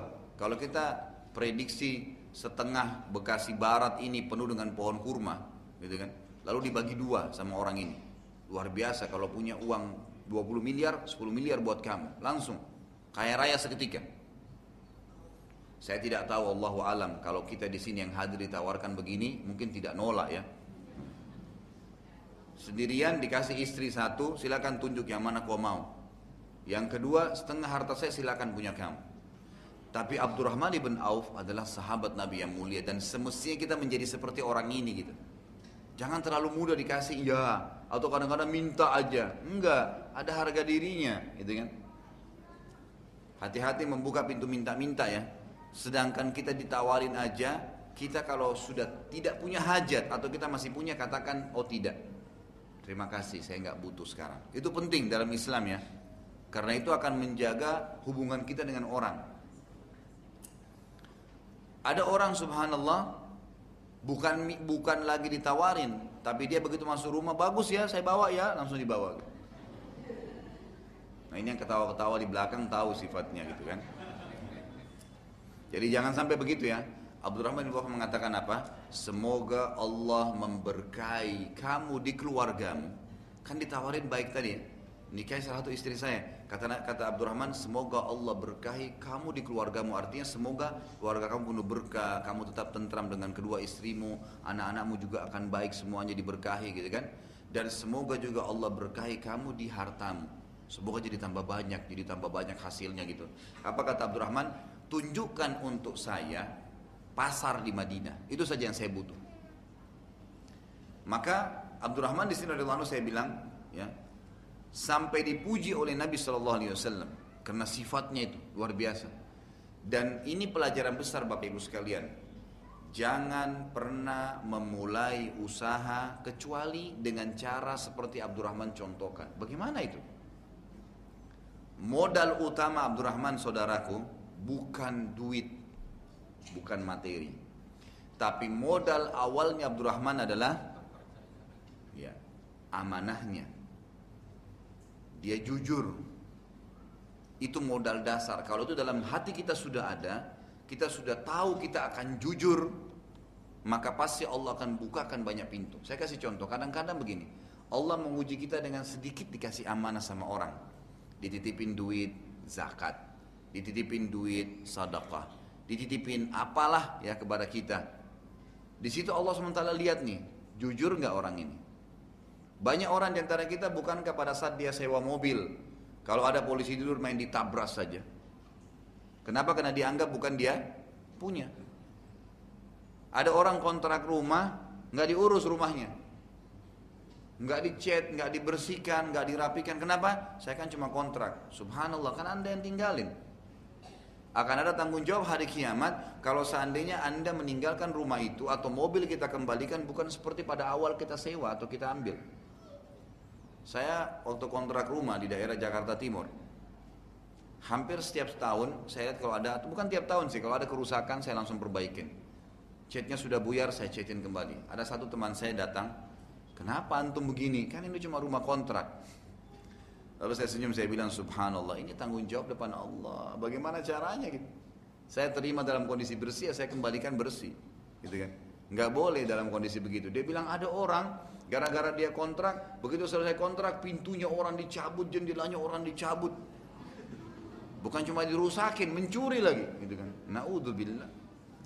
Ini bahaya sekali nih. Lihat dalam diri kita. Dan yakinlah saudaraku kalau anda membuka pintu kejujuran itu sekali saja Amanah itu kita jaga Allah kasih amanah lebih besar. Jaga lagi lebih besar. Jaga lagi lebih besar. Terus begitu. Tapi kapan sekali kita gagal? Gagal semua sudah. Hilang. Menjaga kejujuran dan amanah itu Itu sulit sekali. Kita 20 tahun jujur, sekali kita bohong tahun 21, hilang yang 20 tahun itu. Orang lupain. Bahkan orang bisa bilang, oh ternyata mungkin dia palsu aja 20 tahun nih. Padahal mungkin kita jujur, dirusak dengan satu hal. Itu bahaya sekali. Makanya hati-hati, penting. Abdurrahman ibn Auf ya, radhiyallahu anhu itu pergi ke pasar Madinah. Beliau dalam riwayat yang paling sahih tidak punya duit. Ada riwayat yang mengatakan memang punya beberapa dirham saja gitu kan. Lalu beliau masuk ke pasar, beliau lihat apa sih yang paling dominan dijual di pasar nih. Ternyata karena umumnya masyarakat Madinah adalah punya kebun kurma, umumnya mereka menjual di pasar cangkul. Abdurrahman ibn Auf lihat mana kios yang paling besar nih. Ada kios paling besar di situ. Lalu dia datang, kemudian dia bilang, bisa nggak saudaraku? Setelah salam tentunya, kemudian dia bilang, bisa nggak saudaraku saya mengambil beberapa cangkul di sini yang saya bayar besok. Modal kepercayaan. Tentu orang-orang Madinah tahu, oh ini orang muhajir. Ya baik, silahkan. Diambillah. Abdurrahman bin Auf setelah ambil beberapa cangkul keliling pasar itu, nawarin orang.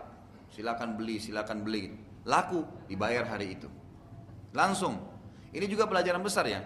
Kalau bapak ibu sudah dapat duit dari barang yang dititipin, tidak usah tunda. Oh kan jatuh tempo sebulan, duitnya pakai dulu. Enggak, kembaliin udah. Selesai pada saat itu. Ya kan gitu. Kalau kita meninggal tidak ada tanggung jawab lagi kan. Hal-hal kecil tapi mesti diperhatikan. Begitu dapat duitnya, untungnya sudah langsung dikembalikan. Kita ambil barang baru ya. Jangan pernah pakai satu uang yang kita diamanakan untuk satu pekerjaan itu kepada kerjaan yang lain kecuali dengan izin pemilik uangnya. Karena itu pasti akan mentok dan rusak nanti. Banyak orang bangkrut gara-gara ini nih.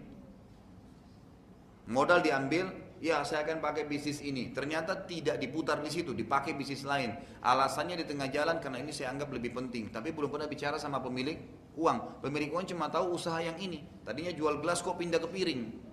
Pastikan usaha piringnya bangkrut. Kapan dia gunakan metode ini pasti bangkrut. Pasti bermasalah pasti terlihat utang. Itu sudah sunnatullah. Tapi kapan kita amanah, ini buat jelas, ya buat gelas. Ini uang saya titipin untuk anak yatim ya, anak yatim. Nggak boleh ke masjid, nggak boleh kayak yang lain. Memang ini amanahnya. Saya titipin uang ya, kamu pakai umroh ya, nggak dipakai bangun rumah, nggak bisa, harus umroh. Kecuali dengan izin pemilik rumahnya, nggak boleh. Pastikan kalau kita sudah alihkan keluar dari amanah bangkrut pasti, itu pasti. Gak mungkin tidak. Karena mencong keluar. Apalagi kalau diikuti dengan bohong, dengan berputar, dengan oh macam-macam luar biasa. Ini terutama para pengusaha mestinya ambil pelajaran dari sini nih. Abdurrahman bin Auf begitu dapat duit langsung dibayar. Akhirnya dipercaya kan? Coba kalau kita ambil barang langsung bayar, percaya walaupun belum jatuh tempo. Mungkin kita akan dikejar oleh pemilik produk, kapan kamu ambil lagi ya?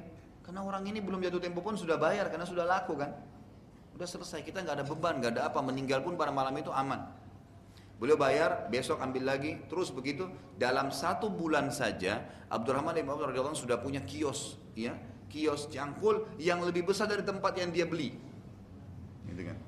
Sampai Nabi SAW pernah memuji Abdurrahman mengatakan, sungguh Abdurrahman telah diberkahi oleh Allah radhiyallahu karena amanahnya dan jujurnya, sampai kalau dia menjual tanah pun digenggam maka akan laku. Gitu kan. Karena luar biasa gitu. Di sini saya bilang Nabi SAW bersabda, bila Abdurrahman menjual tanah maka niscaya ia akan untung. Pada jiwa Abdurrahman selain kemuliaan juga terdapat apa? Jiwa bisnis dan ini sangat baik. Semua orang kalau punya jiwa bisnis itu sangat baik, gitu kan? Dia bisa berusaha, dia bisa mandiri, gitu kan? Tidak terikat dengan orang. Ia memulai dari nol pada saat tiba di Madinah dan akhirnya sampai beliau meninggal dikatakan dalam riwayat beliau meninggalkan harta sebanyak 8 juta dirham.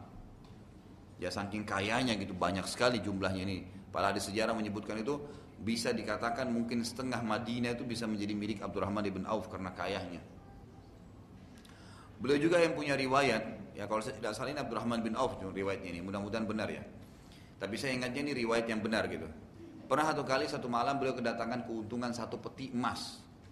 Untung dari bisnisnya, satu peti di bawah pegawainya itu emas semua.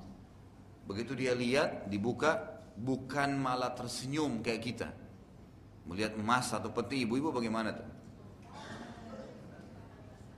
Baik, nggak usah ditanggapin. Satu orang saya sudah ribut suaranya gitu kan. Dibuka peti emas semua luar biasa. Abdurrahman bin Auf langsung berpikir, istrinya datang, ada apa suamiku? Dia bilang ini cobaan dari Allah. Sekarang bantu saya kemas emas-emas ini karena belum pernah ada keuntungan sebanyak itu sebelumnya gitu kan. Kalau kita sekarang begitu dapat keuntungan, oh sekian juta masuk dari rekening, udah luar biasa, tutup nggak boleh ada yang tahu. Ini nggak Abdurrahman perhatikan apa yang dilakukan. Diambil, dibilang sama istrinya, harus malam ini habis disodakahkan. Habis malam ini, dibungkus semua. Bagi semua orang miskin. Tahu apa yang terjadi? Riwayat saya ini menjelaskan, hari kedua datang dua peti keuntungannya. Dibungkus lagi, dibagi lagi. Hari ketiga, tiga peti. Begitu terus tiap hari. Jadi dia sudah mengatur pokoknya keuntungan saya yang cukup buat keluarga saya, cukup tambah modal, lebihnya di jalan Allah. Habis sudah. Bukan kayak kita celengan lewat, koin kecil yang dicari. Seribu tua, seribu baru, seribu tua yang dimasukin di masjid. Seribu baru dipakai belanja, gitu kan. Dengan seribu tua minta apa sama Allah? Kesehatan, kekuatan, keturunan, masuk surga selama dari neraka. Nyambung gak itu? Gak nyambung. Coba latih diri, ada fakir miskin lewat kasih 100 ribu, kita punya 20 ribu nih 100 ribu kasih dia. Belajar.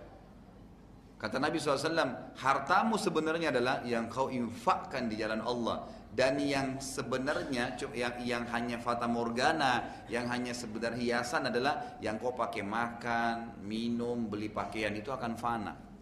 Bukankah kita kalau meninggal Bapak Ibu sekalian, Bapak Ibu beli mobil Alphard misalnya, punya rumah luas, punya pakaian yang bagus, sepatu yang mahal bermerek. Begitu Bapak Ibu mati apa yang dikatakan oleh orang? Oh ini mobilnya dia. Oh ini rumahnya dia. Oh ini dulu bajunya dia. Selesai. Yang Bapak Ibu bawa ke sana apa? Yang pernah kasih orang ya anak yatim, yang pernah nyumbang masjid, itu yang ikut sama kita sampai mati. Mestinya kita di sana ini yang jadi target. Punya 120 ribu, 100 ribu di sana, 20 ribu di sini gitu. Mestinya begitu. Ini pelajaran yang sangat besar, luar biasa.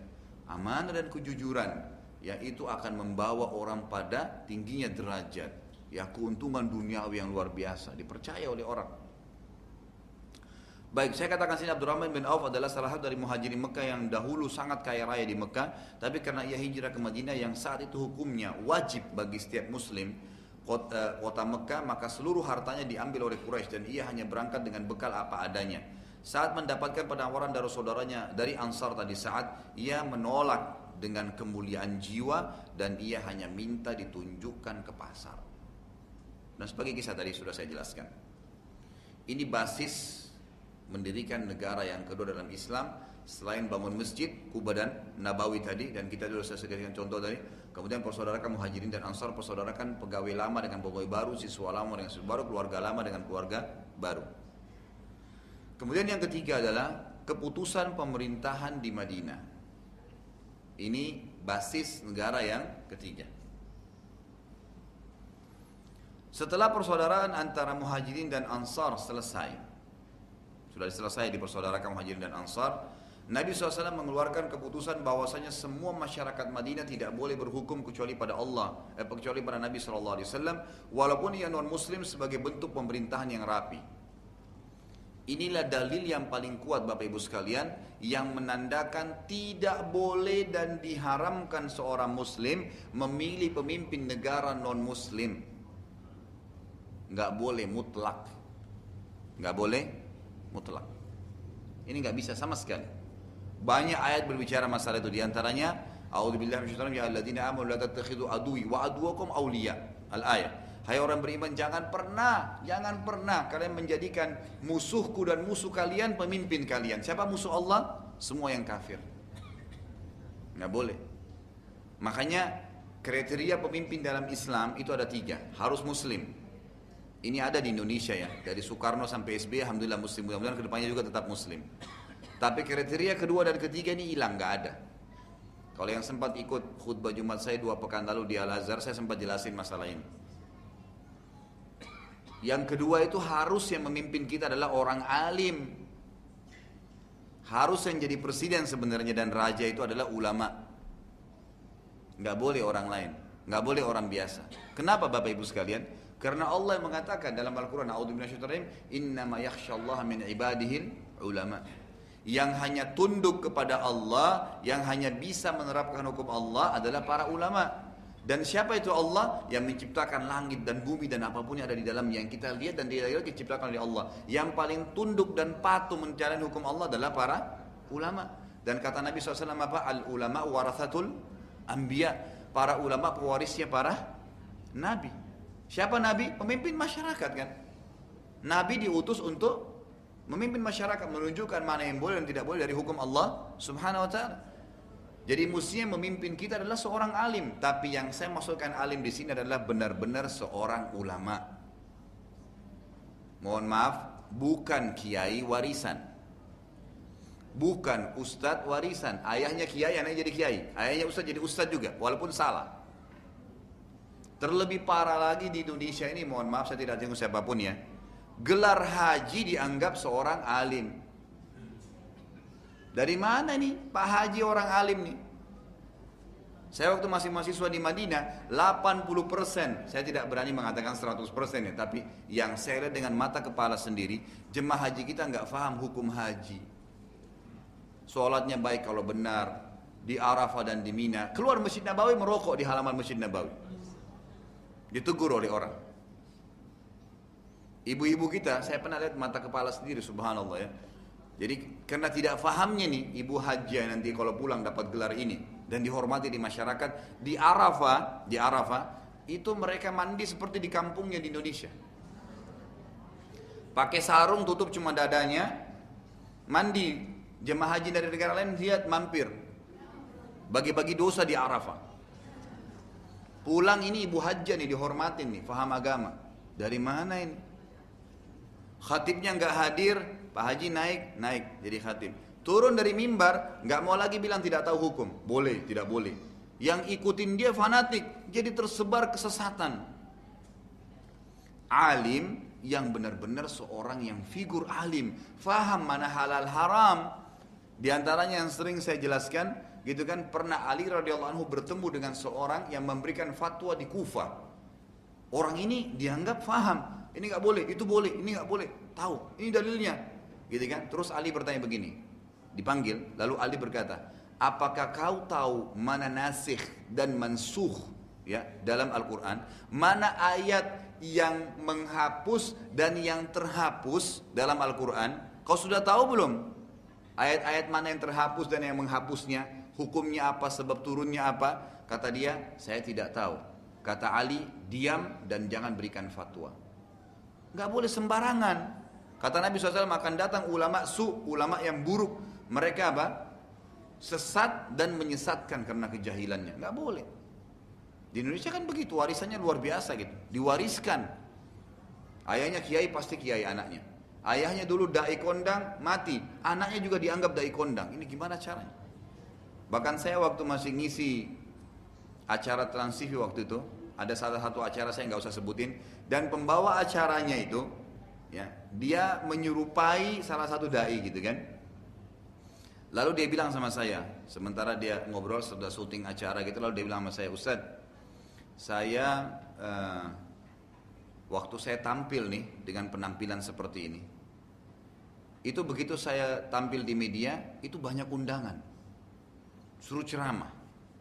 Padahal dasarnya dia tidak paham agama orang ini Cuma penampilannya seperti kiai yang kondang, ustadz yang kondang gitu. Saya diundang dia bilang. Begitu saya diundang, saya pernah diundang oleh kalau tidak salah gubernur Jawa Barat dia bilang sama saya, buat acara tablik akbar gitu. Begitu saya datang, lari semua ustadz. Karena 10 menit pertama saya bicara masalah agama. Selebihnya saya nggak tahu, saya melawak aja. Semuanya lari. Tapi akhirnya tetap saja masyarakat anggap ini figur gitu. Ini seseorang. Salah. Bukan itu yang dimaksud. Tolok ukurnya paling paham hukum Allah, halal haramnya, dan bisa memimpin sholat. Kriteria imam apa? Harus bacanya benar, tahu halal haram, orang yang dituakan, gitu kan? Itu makanya Nabi SAW waktu jadi jadi jadi raja dan jadi nabi di Madinah beliau jadi imam lima waktu sholat. Tadi di awal sebelumnya saya bilang kan, Pemimpin itu kalau presiden kita Indonesia layaknya semestinya itu jadi imam di istiqlal lima waktu sholat. Subuh, duhur, asar, maghrib jadi imam. Mestinya begitu idealnya. Baik, Abu Bakar waktu jadi khalifah, jadi imam lima waktu sholat di Masjid Nabawi kan. Umar, imam masjid. Abu Uthman, imam masjid. Ali, imam masjid. Dan patokan kita apa?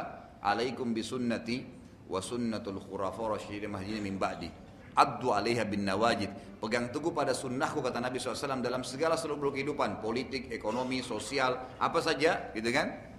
Sunnahku dan sunnah khulafa rasyidin Abu Bakar, Umar, Uthman dan Ali dan berpegang teguh pada keduanya walaupun dengan gigi geraham kalian. Jadi itu syaratnya mestinya yang ketiga semestinya yang jadi pemimpin Bapak Ibu sekalian adalah orang-orang yang tidak mengejar jabatan itu dari mana dalilnya hadis Bukhari Muslim di mana Nabi SAW bersabda, Inna wallahi la nuwalli ala hadal amal ahadan sa'alahu au harasa alaih. Demi Allah kata Nabi SAW kami tidak akan pernah mengangkat seseorang jadi pemimpin yang sengaja mengejarnya atau memintahnya. Kenapa di Indonesia malah terbalik? Pada orbit semua fotonya, namanya, programnya, karena sistemnya yang salah. Kita main caplok saja sistem demokrasi barat ke negara kita. Apa sistem demokrasi mereka? Siapa yang paling banyak suaranya, siapa yang paling banyak duitnya, walaupun dia bodoh, menang jadi presiden. Masalah besar ini buat umat Islam. Dia nggak tahu halal haram gimana caranya, gitu kan? Nggak mungkin. Harus jelas ini. Nabi SAW waktu datang ke Madinah, beliau tahu di Madinah ada raja Yahudi tiga orang. Ada raja suku Kainuqa, ada raja suku Nazir, ada raja suku Quraidah. Tapi beliau tidak tidak membiarkan tidak membiarkan mereka jadi raja Madinah. Tapi Nabi SAW datang dan meninggalkan mereka dengan keadaan mereka, dengan ajaran agama mereka. Tapi beliau menobatkan diri menjadi raja di Madinah karena beliau seorang Muslim dan sebelum hijrah ke Madinah beliau sudah ambil bayat dari orang-orang Ansar yang datang ke Mekah waktu itu dan dikenal dengan bayat Aqabah yang sudah pernah kita jelaskan yang lalu. Itu beliau mengambil bayat bahwasanya kalian harus mendukung aku dan mendukung agama Allah ini dan membelanya sebagaimana kalian membela agama ya sebagaimana kalian membela diri dan keluarga kalian. Maka itu yang terjadi. Itulah yang terjadi. Pertanyaan kecil Bapak Ibu sekalian, bagaimana kalau pemimpin negara kita tidak seperti kriteria yang tadi kita sebutkan tiga. Muslim, alim dan juga tidak mengejarnya, gitu kan? Bagaimana? ulama rincikan, kalau poin pertama masalah muslim tidak ada toleransi, nggak bisa, nggak bisa negosiasi, kecuali memang kita sedang berada di negara yang Islam minoritas itu lain. Tapi kalau negara kayak Indonesia ini nggak boleh, Bapak Ibu sekalian, nggak bisa. Dan Indonesia ini selalu saya tekankan adalah negara Islam. Karena syarat negara Islam ada tiga. Pemimpinnya Muslim, kita sudah Muslim dari SB Soekarno sampai SB kan Muslim. Yang kedua mayoritas masyarakatnya Muslim, kita 85% Muslim. Yang ketiga menerapkan Islam sebagai syariat mereka. Kita sudah terapin syariat Islam, cuma sebagian substansialnya yang belum, sebagian cabangnya. Kayak masalah hudud ya, pencuri dipotong tangannya, kemudian orang zina dicambuk, orang yang membunuh dipenggal, itu yang belum kita terapin. Tapi bukankah kita nikah dengan cara Islam, cerai dengan cara Islam, kita warisan dengan cara Islam gitu kan, kita punya depak, kita punya MUI, ya pemerintah punya e, melepaskan dan menunjuk kelompok haji pemerintah Indonesia. Kalau lebaran atau puasa kita diiklanin di TV dan seterusnya gitu kan? Jangan sampai kita masuk seperti teman-teman yang kena fitnah menganggap Indonesia negara kafir. Ini bahaya sekali gitu kan? Mengkafirkan negara Islam ini sama saya sering berikan contoh dan mudah-mudahan Allah berikan hidayah kita semua gitu kan? Terutama teman-teman yang kena fitnah ini mobilnya rusak Bapak Ibu sekalian ban bukan mobilnya rusak ban mobilnya satu kempes, semua mobilnya dibuang. Padahal tinggal tambal atau tambah angin jalan kan. Ini enggak, rubuhin semua negara ini, ganti baru. Dari mana ceritanya? Bagaimana bagaimana gampangnya? Dia saja belum tentu bisa urus rumah tangganya, kemudian mau urus negara dari mana ini? Gitu kan? Maka hati-hati dengan poin ini. Nah kalau seandainya ada pemimpin yang masuk naik jadi presiden kita misalnya. Kalau bukan muslim ini yang jadi masalah ini. Ini ada bahasa sendiri. Tapi kalau dia muslim maka sudah selesai. Tinggal poin yang kedua, kalau dia bukan orang alim atau dia mengejarnya. Bagaimana? Bukan seorang ulama dan bukan juga atau dia juga orang yang sengaja mengejar jabatan tersebut. Kata para ulama tetap ini ini harus diakui selama dia muslim ya dan wajib dipatuhi peraturan-peraturannya selama tidak bertolak belakang dengan agama Allah Subhanahu wa taala. Ini sesuai dengan sabda Nabi sallallahu alaihi wasallam dalam hadis yang sahih. Beliau mengatakan dalam hadis riwayat Al-Hakim dalam kitab Mustadrak nanti akan datang pemimpin-pemimpin ya yang kalian tidak suka beberapa keputusan mereka karena bertolak belakang dengan hukum Allah dan kalian suka keputusan yang lainnya. Siapa yang memungkiri dengan hatinya tidak suka dengan keputusan itu karena Allah tidak suka, Allah Allah larang keputusan itu, maka dia telah selamat di akhirat, hisapnya sudah nggak ada. Siapa yang memungkiri dengan baik dengan lisannya, nasihatin dan cara menasihati pemimpin ini dalam hadis lain dikatakan nasihatilah pemimpin kalian dengan memegang tangannya dan berbicara secara empat mata. Karena berbicara dengan pemimpin atau mengingatkan dia di media masa maka itu akan mendatangkan madarat yang lebih besar gitu kan? Akan ada penolakan. Jadi kita harus bicara dengan cara itu. Kata Nabi SAW ada yang kalian suka ada yang kalian tidak suka. Siapa yang memungkiri dengan hatinya dia nggak ingatin karena takut tidak punya kemampuan. Dia telah selamat dari hisab hari kiamat. Siapa yang memungkiri dengan lisannya dengan cara baik kan gitu pemimpin tersebut dia telah dapat pahala. Dan hukuman akan datang kepada orang yang mendukung keputusan salah itu ya keputusan salah itu dan juga sengaja mengikutinya. Lalu apa kata para sahabat ya Rasulullah? Bolehkah kami memberontak, membunuh pemimpin yang seperti ini? Apa jawaban Nabi SAW? Tidak boleh selama mereka tidak melarang kalian sholat. Patokannya adalah sholat. Kalau masjid masih boleh sholat, kayak kita pengajian boleh, umat Islam pokoknya boleh sholat, nggak ada masalah. Yang salah kita doain. Dalam hadis yang dikatakan kata Nabi SAW, nanti akan datang pemimpin yang kalian tidak suka, tapi kalian harus patuh dengannya, gitu kan? Yang kalian sudah dapat merupakan hak kalian, syukurlah kepada Allah. Yang kalian belum dapat, mintalah kepada Allah, bukan kepada dia, kepada Allah kita minta. Bukankah Fir'aun sudah ada zalim Allah musnahkan? Bukankah Namrud sudah Allah musnahkan? Jadi nggak usah khawatir. Nggak usah khawatir.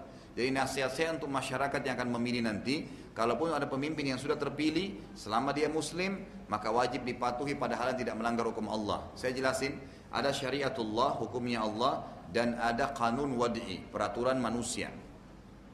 Selama peraturan manusia ini tidak bertolak belakang dengan hukum Allah maka wajib dipatuhi. Misal rambu-rambu lalu lintas, adanya paspor, adanya KTP, akte lahir, buku akad nikah, semua itu tidak ada dalam Al-Quran dan Sunnah. Cari sampai tua pun tidak ada kan? Tapi permasalahannya maslahatnya besar, gitu kan? Maka wajib dipatuhi oleh setiap muslim. Tapi kalau bertolak belakang dengan hukum Allah, maka tidak boleh dipatuhi. Tapi juga tidak boleh memberontak selama memang kita masih dibolehkan sholat. Baik, bagi pemimpin, ini nasihat bagi masyarakat. Bagi pemimpin nasihat kita adalah jelas sekali hadis Nabi Shallallahu Alaihi Wasallam. Kalau pemimpin itu adil, menjalankan tanggung jawabnya dengan benar, maka kata Nabi SAW tadi hadis yang sudah saya jelaskan, hadis Bukhari Muslim, tujuh, tujuh golongan yang Allah namai pada hari kiamat tidak ada naungan kecuali naungan Allah itu adalah yang pertama sekali pemimpin yang adil. Tapi kalau sampai dia tidak adil, hadis Bukhari Muslim juga sangat tegas. Tidak ada seorang pun yang diberikan kepemimpinan atas umat ini lalu dia ya berkhianat tidak menjalankan tugasnya dengan baik kecuali pasti masuk neraka. Itu hadis sahih. Dalam riwayat lain dikatakan dia akan diharamkan dari surga. Riwayat lain lagi sama hadis Bukhari Muslim semuanya dia tidak akan mencium bau surga. Dalam hadis yang lain juga riwayat Nasai dengan sanad yang sahih Hasan sahih. Kata Nabi sallallahu alaihi wasallam ya berdoa beliau berdoa begini siapa pun ya Allah yang engkau karuniai kepemimpinan umat ini dan dia berbuat baik berkasih sayang dengan masyarakat maka berkahilah dan kasih sayanglah hidupnya. Sementara kalau dia berbuat keburukan menyempitkan mereka tidak memberikan haknya maka hidup hancurkanlah juga kehidupannya. Ini doa Nabi SAW untuk para pemimpin. Jadi begitu cara memahami masalah pemimpin dalam Islam ini semua beranjak daripada keputusan Nabi SAW waktu masuk di Madinah beliau memimpin kota Madinah Baik, keputusan selanjutnya adalah di mana keputusan ini terfokus pada orang-orang Quraisy Mekah. Ini sama keputusan untuk orang-orang kafir ya, yang ada di Madinah, orang-orang Yahudi, beliau adalah penentu hukum. Beliau adalah raja di Madinah. Kemudian karena beliau adalah utusan Allah gitu kan, harus wajib dipilih sebagai pemimpin. Kemudian orang-orang Yahudi dan orang-orang musyrik di Madinah pada saat itu seluruh sudah masuk Islam sih, ya, yang orang-orang asli Madinahnya mereka wajib membela Madinah bersama-sama kalau akan diserang. Kemudian beliau keluarkan keputusan yang lain juga orang-orang kafir, terutama orang-orang kafir Quraisy Mekah.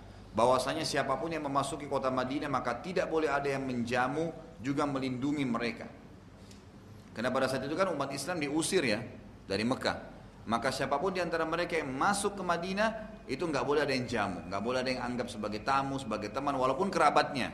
Dan ini ulama sejarah mengatakan ini iklan perang dari Nabi sallallahu alaihi wasallam. Baik. Kejadian penting pada awal hijrah ada beberapa hal dan kita tutup pertemuan kita dengan ini ya. Pada saat wafat ya, pada saat itu pada saat awal hijrah ya. Nah, awal hijrah karena tahun 1 Hijriah itu dibangun tadi Masjid Kuba dan Masjid Nabawi. Tahun 1 Hijriah juga lah terjadi persaudaraan Muhajirin dan Ansar. Tahun 1 Hijriah lah terjadi tadi muahada kesepakatan antara Nabi SAW dengan orang-orang kafir Quraisy. Nanti tahun 2 Hijriah baru ada perang pertama, perang Badar ya. Jadi ada kejadian yang penting di awal tahun Hijrah. Tahun 1 Hijriah ini. Yang pertama adalah wafatnya seorang sahabat mulia bernama As'ad bin Turara radhiyallahu anhu. 40 orang di rumahnya. Jadi As'ad bin Turara radhiyallahu anhu pernah mengumpulkan 40 orang sahabat dari asli Madinah sebelum Nabi hijrah dari Madinah dari Mekah ke Madinah. Itu 40 orang sholat Jumat di rumahnya karena belum ada masjid gitu kan? Dan dari sini sebagian ulama mengambil riwayat bahwasanya ya dari kisah ini e, Jumat itu harus 40 orang baru bisa didirikan. Tapi ini pendapat yang marjuh yang di nomor dua kalau di para pendapat yang raja adalah sholat Jumat tetap wajib didirikan ya sesuai dengan jumlah bolehnya orang sholat berjamaah yaitu dua orang satu jadi khatib dan imam satu jadi pendengarnya kan gitu. Baik ini kejadian yang pertama seorang sahabat mulia meninggal dunia radhiyallahu anhu. Kemudian yang kedua setelah empat bulan dari hijrah Nabi SAW tidak terdapat satupun dari kaum muslimin yang dikeroniai oleh anak, ya, oleh Allah Subhanahu Wa Taala. Jadi tidak ada satupun anak laki-laki yang lahir pada saat itu. Empat bulan nggak ada satupun perempuan melahirkan anak laki-laki. Semua anak yang lain anak perempuan. Sampai-sampai orang Yahudi bilang menunggangi keadaan tersebut, kami telah menyihir umat Islam, ya, maka mereka tidak akan mendapatkan keturunan anak laki-laki. Orang-orang Madinah ini pada ketakutan memang benar. Jangan sampai benar nih orang Yahudi. Dan ini biasanya tradisinya penyihir begini. Selalu setan-setan penyihir ini andalannya hanya apa? Menakut-nakuti. Makanya jangan tak. Orang kalau kena jin di rukia teriak-teriak kayak ngancam orang yang merukia. Begitu andalannya setan. Dukun dan peramal, begitu andalannya. Nanti saya akan beginikan kamu. Ya, coba silahkan. Kita punya ayat Al-Quran, bacain ayat Al-Quran, insya Allah akan selesai kok urusan. Buktinya orang disir 13 tahun, 15 tahun, dibacain ayat sudah selesai kok urusan. Gitu kan? Jadi mereka hanya menakut-nakuti saja. Nah yang terjadi adalah semua bayi yang lahir selama 4 bulan hanya perempuan saja. Sampai suatu hari seorang sahabat Nabi yang mulia. Salah satu dari 10 orang yang dijamin masuk surga. Siapa itu? Zubair bin Awam radhiyallahu anhu. Ini misanan Nabi SAW ya. Dari ammati beliau. Ammati tadi saya katakan saudara dari saudari dari ayahnya. Ya. Yang bernama Sofia dan Sofia ini juga masuk Islam ya termasuk paman Nabi eh, tante Nabi SAW Muslim adalah namanya Sofia anaknya bernama Zubair bin Awam beliau menikah dengan ya anaknya Abu Bakar bin Khat, Abu Bakar uh, radhiyallahu anhu itu yang bernama Asma. Baru saja tiba di Madinah pada saat itu dan kebetulan Asma lagi hamil besar gitu kan? Dalam beberapa hari saja di Madinah Asma tiba-tiba melahirkan dan lahirlah anak laki-laki pertama setelah hijrah. Dan akhirnya diberi nama Abdullah ibn Zubair radhiyallahu anhu ya. Dan dia selamat tidak mati anak Abdullah ini. Maka Nabi SAW sangat senang dengan kelahiran Abdullah ini dan seluruh Madinah juga muslimin senang. Karena ternyata isunya orang Yahudi terbantahkan. Ini juga pelajaran besar Bapak Ibu sekalian. Jangan pernah terpengaruh dengan isu. Apalagi prasangka. Apa kata Nabi SAW? Jahuilah iyyakum wadhan fa inna dhanna akdzabul. Jauhi prasangka buruk karena atau prasangka umumnya ya. Kalau baik mungkin prasangka buruk karena prasangka buruk adalah sebohong-bohong informasi. Bahkan Nabi SAW memerintahkan kita bapak-bapak ibu sekalian, kalau seandainya ada seseorang yang kita janjian belum datang, apa kata Nabi SAW kepada para sahabat dan pelajaran buat kita? iltamis li akhika carikan saudaramu itu alasan ibu-ibu kalau suaminya terlambat pulang oh mungkin dia kehujanan. Mungkin macet. Sangka baik. Karena sangka buruk membuka pintu syaitan dan kata Nabi SAW adalah seburuk-buruk ya perkataan atau pernyataan. Sama bapak-bapak juga begitu. Kita dalam Islam hanya boleh menghakimi sesuatu yang zahir depan mata kita saja. Nggak perlu mencari-cari yang tidak tahu. Ya, tidak usah cari tahu yang tidak tahu.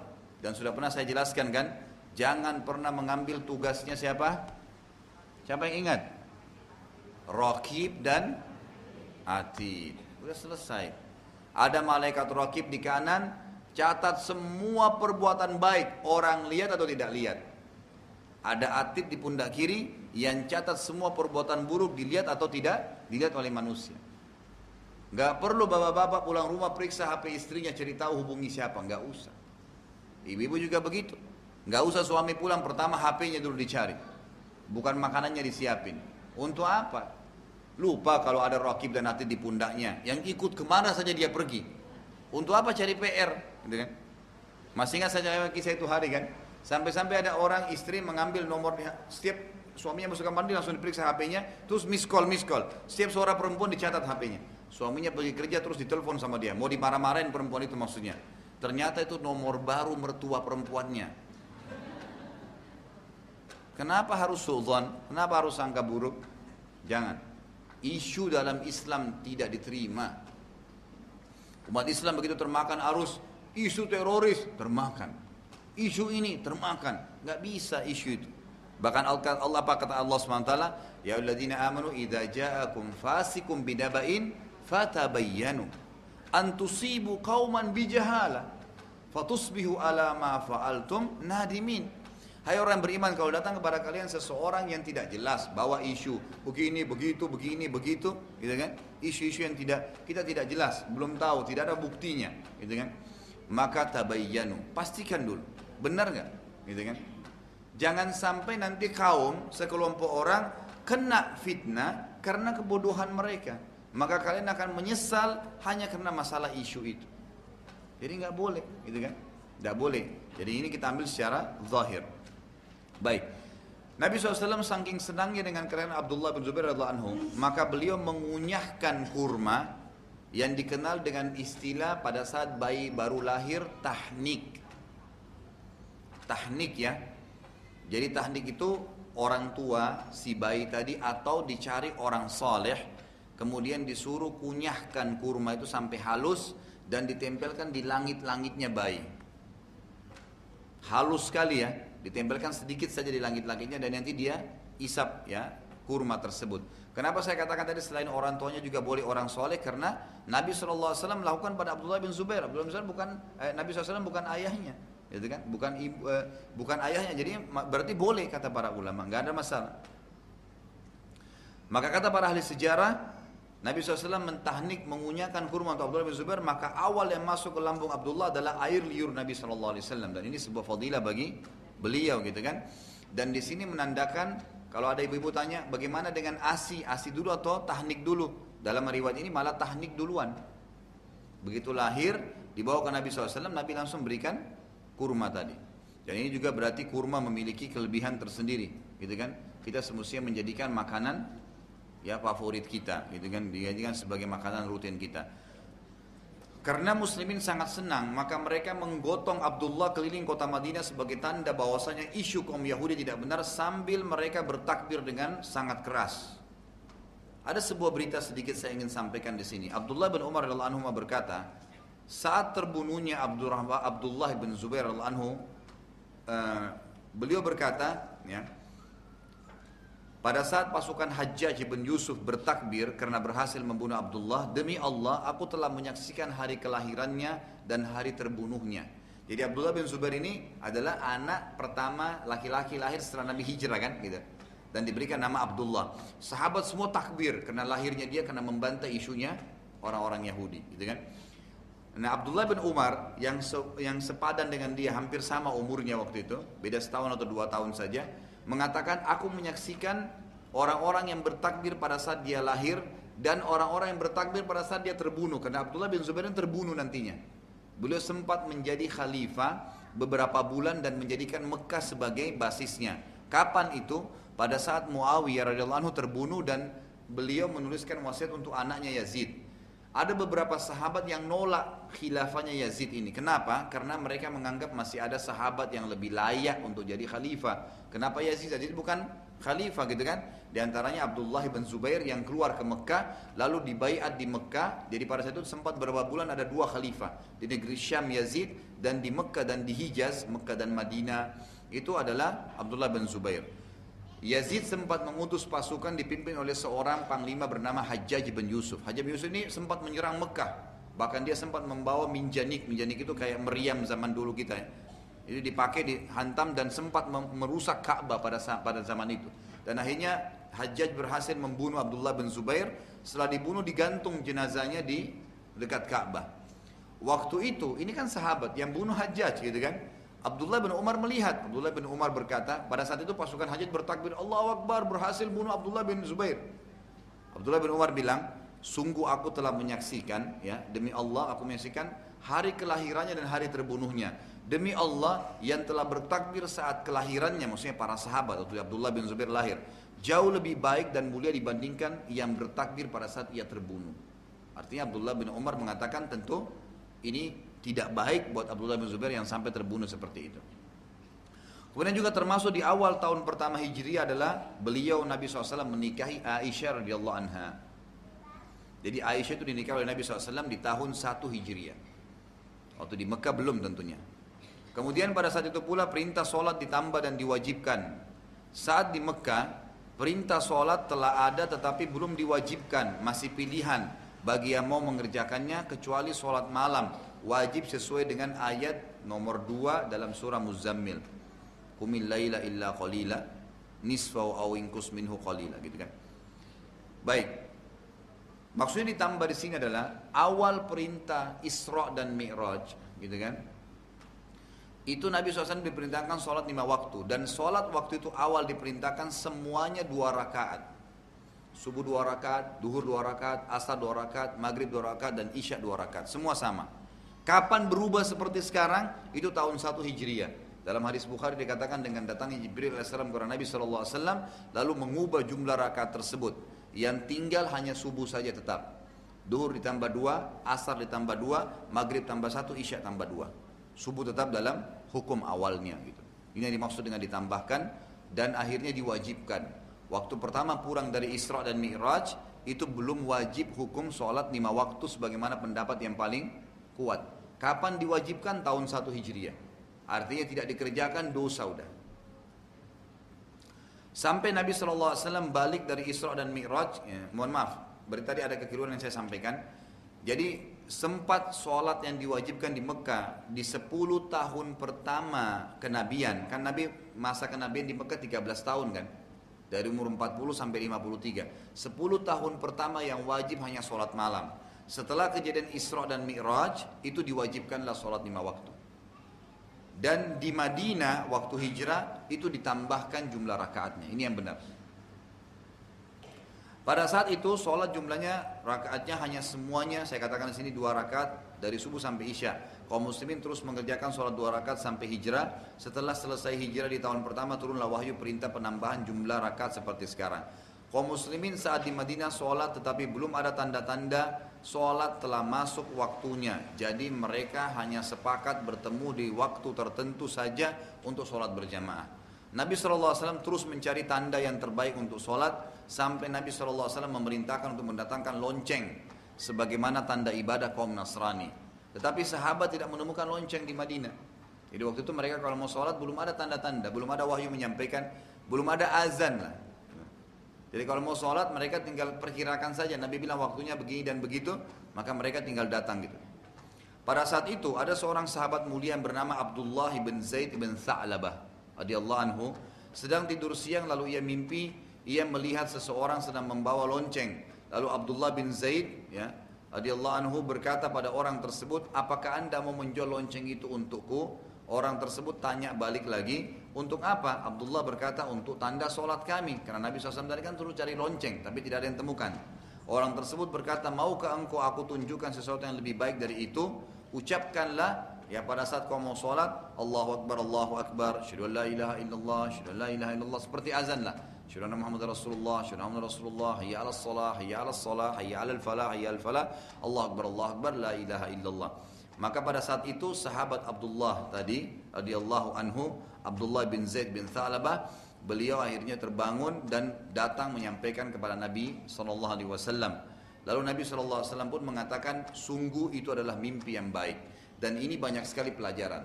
Yang pertama saudaraku ada namanya ru'ya sadiqah. Ada mimpi yang baik yang datang kepada orang-orang yang beriman. Kata ulama, kalau mimpi ini datangnya sementara Nabi SAW masih hidup, berarti petunjuk dari Allah sebagai bagian daripada hukum syar'i, sebagaimana ya mimpinya Abdullah bin Zaid tadi bin Tha'lab tentang masalah azan. Nanti akan diterapkan menjadi peraturan syariat Allah Subhanahu wa taala dari Allah. Tapi kalau Nabi SAW sudah meninggal kayak kita sekarang mimpi melihat sesuatu yang baik, peringatan dari Allah namanya ru'ya, maka itu berarti ya tidak berhubungan dengan hukum baru tapi hanya penyampaian secara individu. Misal, Bapak Ibu mau haji mimpi pakai baju ihram. Mimpi lihat Ka'bah. Mimpi ya masuk ke dalam neraka sehingga kita ketakutan dan akhirnya kita mau bertaubat kepada Allah.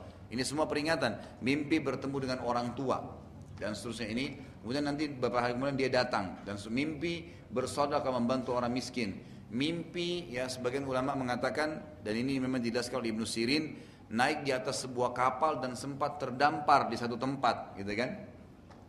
Berarti dia selamat dari masalah yang sedang dihadapi dan seterusnya. Itu ada bahasan sedikit tentang masalah mimpi.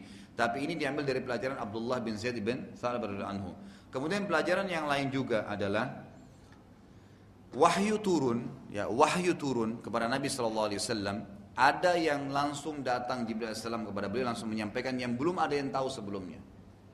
Ada juga wahyu turun yang sifatnya mendukung kejadian yang terjadi di kalangan para sahabat.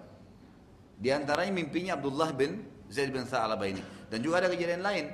Seperti keputusan Umar radhiyallahu anhu tentang 60 nanti kita pelajari tawanan Badar yang Umar radhiyallahu mengatakan bunuh saja ya Rasulullah semuanya, gitu kan?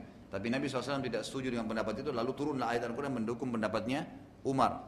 Masalah pengharaman khamar Itu Umar yang tiap hari berdoa mengatakan, Ya Allah haramkanlah minuman ini buat kami. Sampai turun ayat mengharamkan khamar. Jadi ini juga wahyu turun dengan kejadian para sahabat gitu.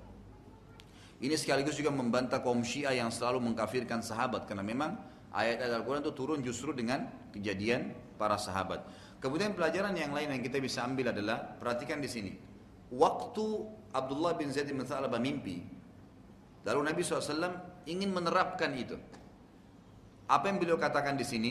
Sungguh itu mimpi yang sangat baik. Ajarkanlah pada Bilal karena sesungguhnya ia memiliki suara lebih indah dari suaramu. Dalam hukum fikih yang jadi muazzin harus suaranya bagus. Jangan azan buat orang lari. Apalagi kalau subuh, tambah tidur tutup sama bantal karena ributnya suaranya. Tapi cari orang yang suaranya bagus. Memang ada orang yang Allah karuniahi itu. Dia azan, kita nyaman dengannya. Bangun, seperti kita langsung ke kamar mandi mau ke masjid cepat karena bagusnya suaranya. Ini pelajaran besar. Perhatikan yang mimpi siapa? Abdullah bin Zaid bin Sa'labah radhiyallahu anhu, gitu kan? Tapi Nabi mengatakan kepada dia, walaupun dia mimpi, Bilal yang disuruh azan karena suaranya lebih indah. Pada saat Bilal mengumandangkan azan, Umar bin Khattab radhiyallahu anhu baru saja juga bangun dari tidur siangnya berkata, Demi Allah wahai Rasulullah aku telah melihatnya dalam tidurku. Nabi SAW bersabda itu mimpi yang baik. Dan ini juga pelajaran yang kita bisa ambil Bapak Ibu sekalian. Salah satu yang kita dianjurkan adalah kita istirahat siang kalau ada waktu.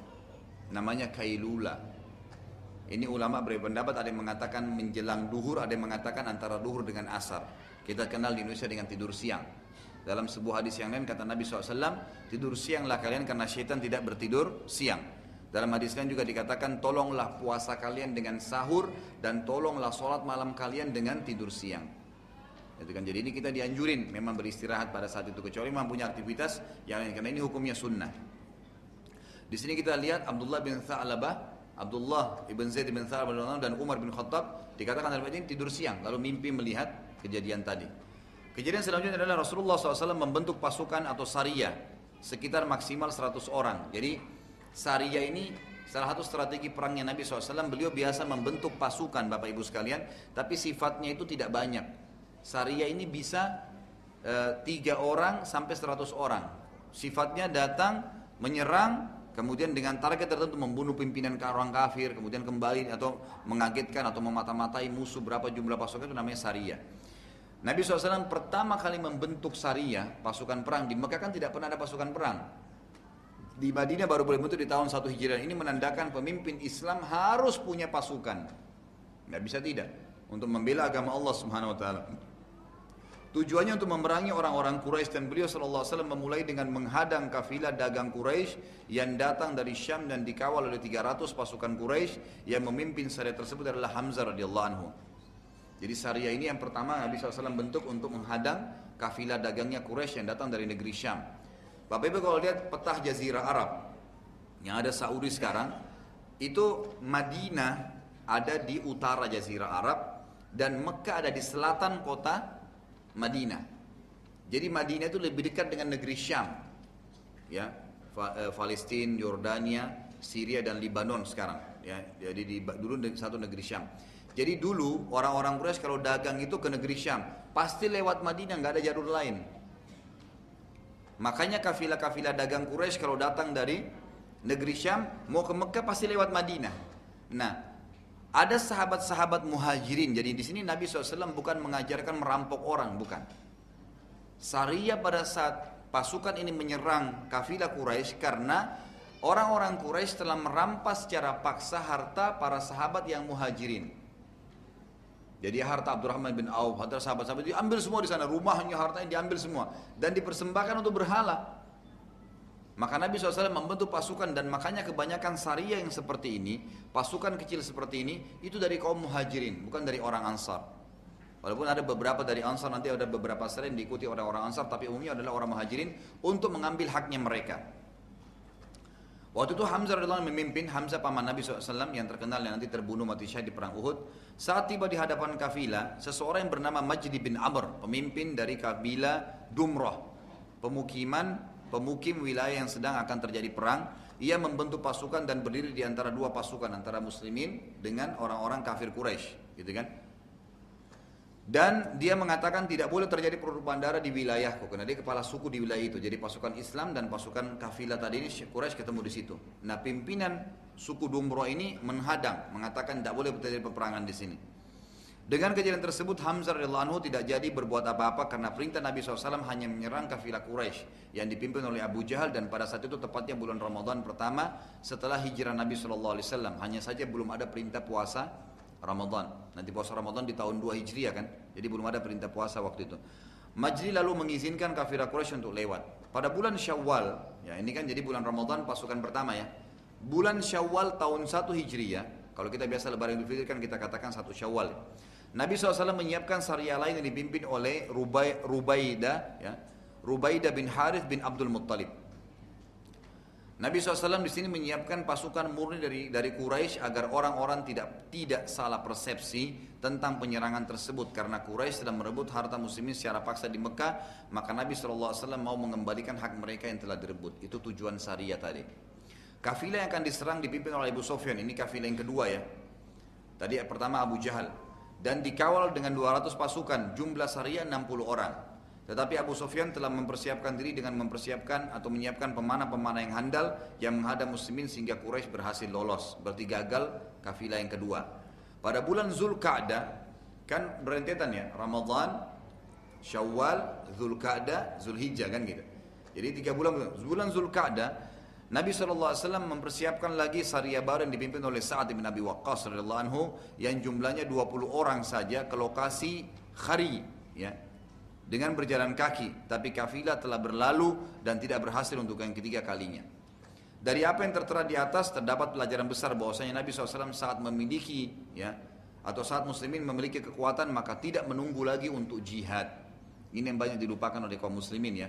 Karena jihad itu bisa terjadi dengan dua kejadian. Yang pertama, keputusan seorang pemimpin muslim untuk menyerang wilayah non muslim dengan cara menawarkan Islam dulu kalau mereka nolak baru putih, kalau mereka nolak baru terjadi peperangan, gitu kan? Tapi ini bukan berarti Islam dengan kekerasan, bukan. Tapi ekspansi agama Allah, ada orang yang bisa beriman dengan dakwah, ada orang yang beriman dengan peperangan. Memang begitu. Jadi jangan sampai salah paham. Ada jihad terjadi pada saat wilayah kita diserang dan kita membela wilayah kita. Suatu hari salah satu musuh Islam dan Nabi SAW ya, salah satu musuh Islam wafat di Mekah yang bernama Al-Walid bin Mughirah. Ini kejadian lainnya. Ayahnya Khalid bin Walid, sahabat Nabi yang mulia. Ya, ini juga kejadian di tahun 1 Hijriah. Salah satu musuh besarnya Nabi SAW meninggal di Mekah bernama Al-Walid bin Mughirah. Kemudian pada bulan Safar di tahun kedua Hijriah, Nabi SAW memimpin sebuah peperangan sendiri yang dikenal dengan perang Abwa atau Waddan untuk memerangi Quraisy. Dan Nabi SAW menemui mereka di wilayah suku Dumroh lagi. Suku yang pertama tadi kafilah yang batal ya dipimpin atau diserang. Majdi bin Amr anak kepala suku tadi ya kabilah Dumroh ikut campur tangan dan meminta Nabi SAW ya untuk mengadakan perdamaian antara sukunya dia suku Dumroh dengan Nabi SAW jadi kami damai wahai Muhammad, tapi jangan serang suku dum, apa eh, kafilah Quraisy ini. Pada bulan Rabiul Awal ini sudah masuk tahun 2 Hijriah ya. Jadi tadi sampai bulan Zulhijjah tidak ada peperangan, ya, bulan Muharram nggak ada peperangan, tapi pada saat ya bulan Safar bulan 2 dari tahun 2 Hijriah sudah terjadi tadi Nabi SAW memimpin perang Abwa dan semua peperangan yang dipimpin Nabi SAW diberikan nama Gazwa. Jadi kalau Bapak Ibu lihat ada tulisan Gazwa seperti Gazwa Badr, Gazwa Uhud itu berarti Nabi hadir sendiri. Kalau bahasa Arab ya, kalau peperangan yang Nabi tidak ada diistilahkan ma'rakah.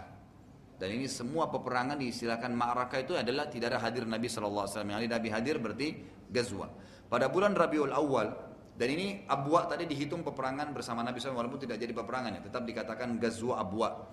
Pada bulan Rabiul Awal sekali lagi Nabi SAW memimpin pasukan sendiri yang bernama yang bernama Perang Buat sejumlah 200 pasukan dengan tujuan menahan kafilah Quraisy yang terdiri dari 2.500 unta yang dipimpin oleh Umayyah bin Khalaf. Tapi kafilah tersebut berhasil melarikan diri saat mendengar pasukan Nabi Shallallahu Alaihi Wasallam mendekat. Pada bulan Jumadil Awal yang bernama terjadi peperangan lagi bernama Perang Ashira.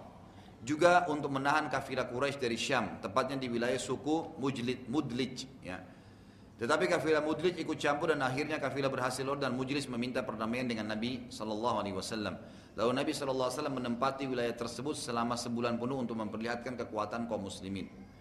Beberapa hari saja dari baliknya Nabi SAW dari kafilah Mudlij, seorang dari kafilah Fihri yang bernama Kisir atau bin Jabir al-Fihri menyerang perbatasan kota Madinah dan mereka merampok kurma dan membunuh seorang dari Ansar. Mendengar kejadian tersebut Nabi SAW segera mengejar Kishir sampai ke wilayah Badr. Tapi ia berhasil melarikan diri dan Nabi SAW kembali ke Madinah. Nabi SAW mengutus delapan orang sahabat yang dipimpin oleh Abdullah bin Jahash anhu dan menitipkan surat, sebuah surat kepada dengan pesan jangan dibuka kecuali sudah tiba di sebuah tempat. Ini semua kejadian di awal-awal tahun Hijriah ya tahun 1 dan tahun 2 Hijriah. Ini saya kejar ya karena kita akan titik beratkan nanti di bulan Ramadhan. Ini kan sudah bulan ya Rabiul Awal tadi ya. Di bulan Ramadhan di tahun 2 Hijriah terjadi perang Badr dan nanti pertemuan akan datang kita akan mulai dari perang Badr langsung.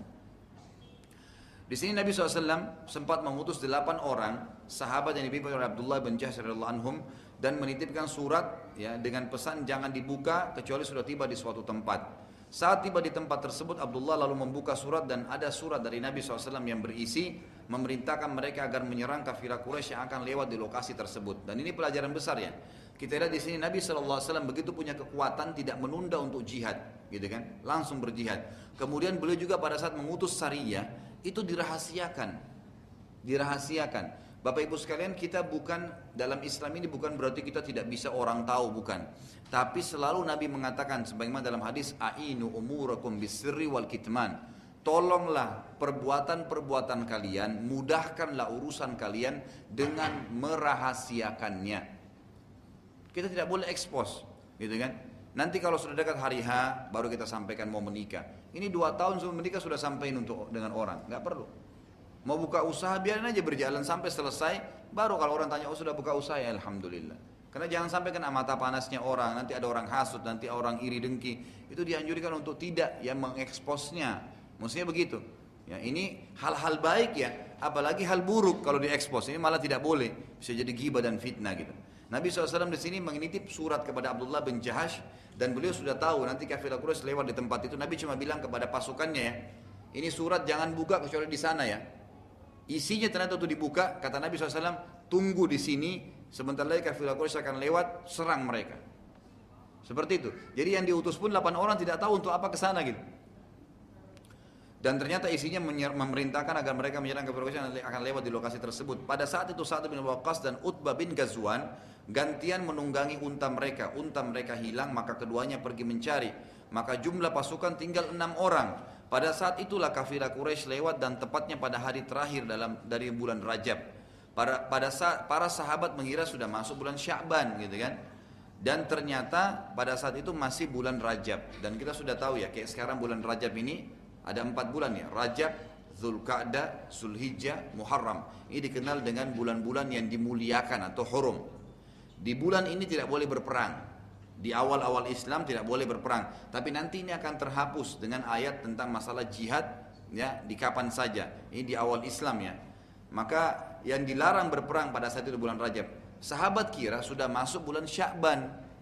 Artinya bulan yang boleh berperang, padahal itu hari terakhir di bulan Rajab. Maka enam orang ini karena dapat surat Nabi harus serang, mereka menyerang, gitu kan kafilah Quraisy yang pada saat itu terkagetkan akhirnya berhasil membunuh Abdullah Amr bin uh, seorang Quraisy yang bernama Amr bin Hadrami korban pertama dalam Islam dan menawan, menawan dua orang yang bernama Al-Hakam bin Kaisan dan Uthman bin Abdullah dan yang lain melarikan diri serta enam orang tersebut berhasil merebut semua kafilah.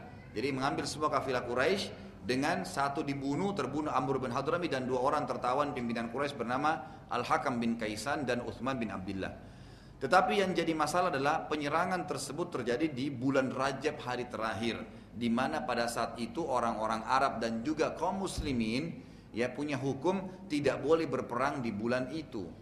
Quraisy lalu menyebarkan berita bahwa saya muslimin menghalalkan menghalalkan bulan hurum juga menyuruhati Nabi SAW yang berisi engkau telah menghalalkan bulan hurum. Beliau SAW menjawab tidak tetapi telah terjadi kesalahpahaman. Pasukanku mengira sudah masuk bulan Sya'ban Quraisy menjawab, kalau demikian kembalikanlah tawanan kami yang dua orang, Al-Hakam bin Kaisan dan Uthman bin Abdullah.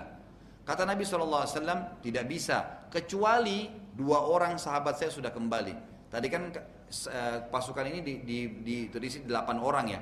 Tapi dua orang tadi sempat pergi, nyari untanya yang hilang. Kebetulan mereka tadinya satu unta berdua. Itulah saat Ibn Abi Waqqas dan Utbah bin Ghazwan. Waktu mereka pergi cari unta yang hilang, enam orang ini nyerang kafilah. Ini belum kembali sampai sekarang, tidak tahu ke mana dua orang ini. Jadi Nabi SAW waktu diminta disuruh kembalikan dua tawanan Quraisy, beliau bilang saya akan kembalikan tapi dengan syarat dua sahabat saya kembali dulu, gitu kan? Dua sahabat saya kembali dulu. Ternyata beberapa hari kemudian saat bin Abi Waqqas dan Utbah bin Ghazwan radhiyallahu anhu balik ke Madinah dan Nabi SAW akhirnya melepaskan dua tawanan orang Quraisy. Pada saat dibebaskan Al-Hakam bin Kaisan yang saat itu lagi di Madinah selalu memperhatikan Islam dan perilaku kaum muslimin akhirnya tertarik dan mengucapkan syahadat dan dia tidak kembali lagi ke Mekah. Sementara Uthman bin Abdullah tawanan yang kedua dari orang Quraisy tadi kembali ke Mekah dan wafat seketika pada saat tiba di Mekah. Dan ini menandakan harusnya orang jeli menangkap ya sinyal Islam itu sendiri. Ya tidak boleh menunda dia untuk masuk Islam pada kejadian di ataslah turun firman Allah Subhanahu wa taala surah Al-Baqarah urutan 2 ayat 217 sampai 218. Dan ini sudah saya titik beratkan di awal pertemuan kita sirah. Uh, sirah adalah satu-satunya ya satu-satunya sumber untuk bisa mendapatkan apa namanya informasi sebab turunnya ayat Al-Qur'an. Allah SWT berfirman, "A'udzu billahi minasyaitonir rajim. Bismillahirrahmanirrahim. Yas'alunaka 'anil syahril harami qitalin fi قل كتال فيه كبير وصد عن سبيل الله وكفر به والمسجد الحرام وإخراج أهله منه أكبر عند الله والفتنة أكبر من القتل ولا يزالون يقاتلونكم حتى يردوكم عن دينكم إن استطاعوا ومن يرتد منكم عن دينه فيمت وهو كافر فأولئك حبطت أعمالهم في الدنيا والآخرة وأولئك أصحاب النار هم فيها خالدون إن الذين آمنوا والذين هاجروا وجاهدوا في سبيل الله أولئك يرجون رحمة الله والله غفور رحيم Mereka bertanya kepada Muhammad tentang perang di bulan Hurum, bulan yang dimuliakan tadi. Katakanlah, berperang dalam bulan itu dosanya besar. tetapi kata Allah, menghalangi manusia di jalan Allah dan kafir kepada Allah serta menghalangi masuk ke masjid haram. Karena orang-orang Quraisy melarang orang-orang beriman menyuruh mereka keluar dari masjid haram di Mekah para sahabat ya. Lebih besar dosanya di sisi Allah dan berbuat fitnah lebih besar daripada membunuh mereka tidak henti-hentinya memerangi kamu hai Muhammad dan pasukanmu sampai mereka dapat mengembalikan kamu dari agamamu kepada kekafiran. Seandainya mereka sanggup, barang siapa yang murtad dari agamanya, lalu dia mati dalam kekafiran, maka mereka itulah yang sia-sia amalannya di dunia dan di akhirat dan mereka itulah penghuni neraka serta mereka kekal di dalamnya. Ayat 217. Ayat 218 bunyinya, sesungguhnya orang-orang yang beriman, orang-orang yang telah hijrah dan berjihad di Allah, mereka itu mengharapkan rahmat Allah dan Allah Maha Pengampun lagi Maha Penyayang. Lalu saya katakan di sini, inilah syariat terakhir sebelum terjadi perang Badar. Insya Allah kita akan selesaikan sampai poin-poin ini, ya. Di sini tinggal mungkin dua baris atau beberapa baris saja. Dikatakan kaum Yahudi waktu itu sempat menyebarkan fitnah bahwasanya agamanya Muhammad mainan Bagaimana bisa ia mengubah Mohon maaf ya Sampai sini aja kita bahas ya Ini syariat terakhir sebelum perang Badr ya. Ini nanti insya Allah saya akan lanjutkan lagi uh, Setelah ya apa namanya uh, Pada atau pada pertemuan yang akan datang Tentang masalah pengalihan kiblat sebelum terjadi perang Badr. Ya, Kurang lebih begitu insya Allah Baik sampai sini kalau ada yang mau bertanya silahkan. Silahkan Pak. Ini di mic aja Pak, di mic berdiri silakan.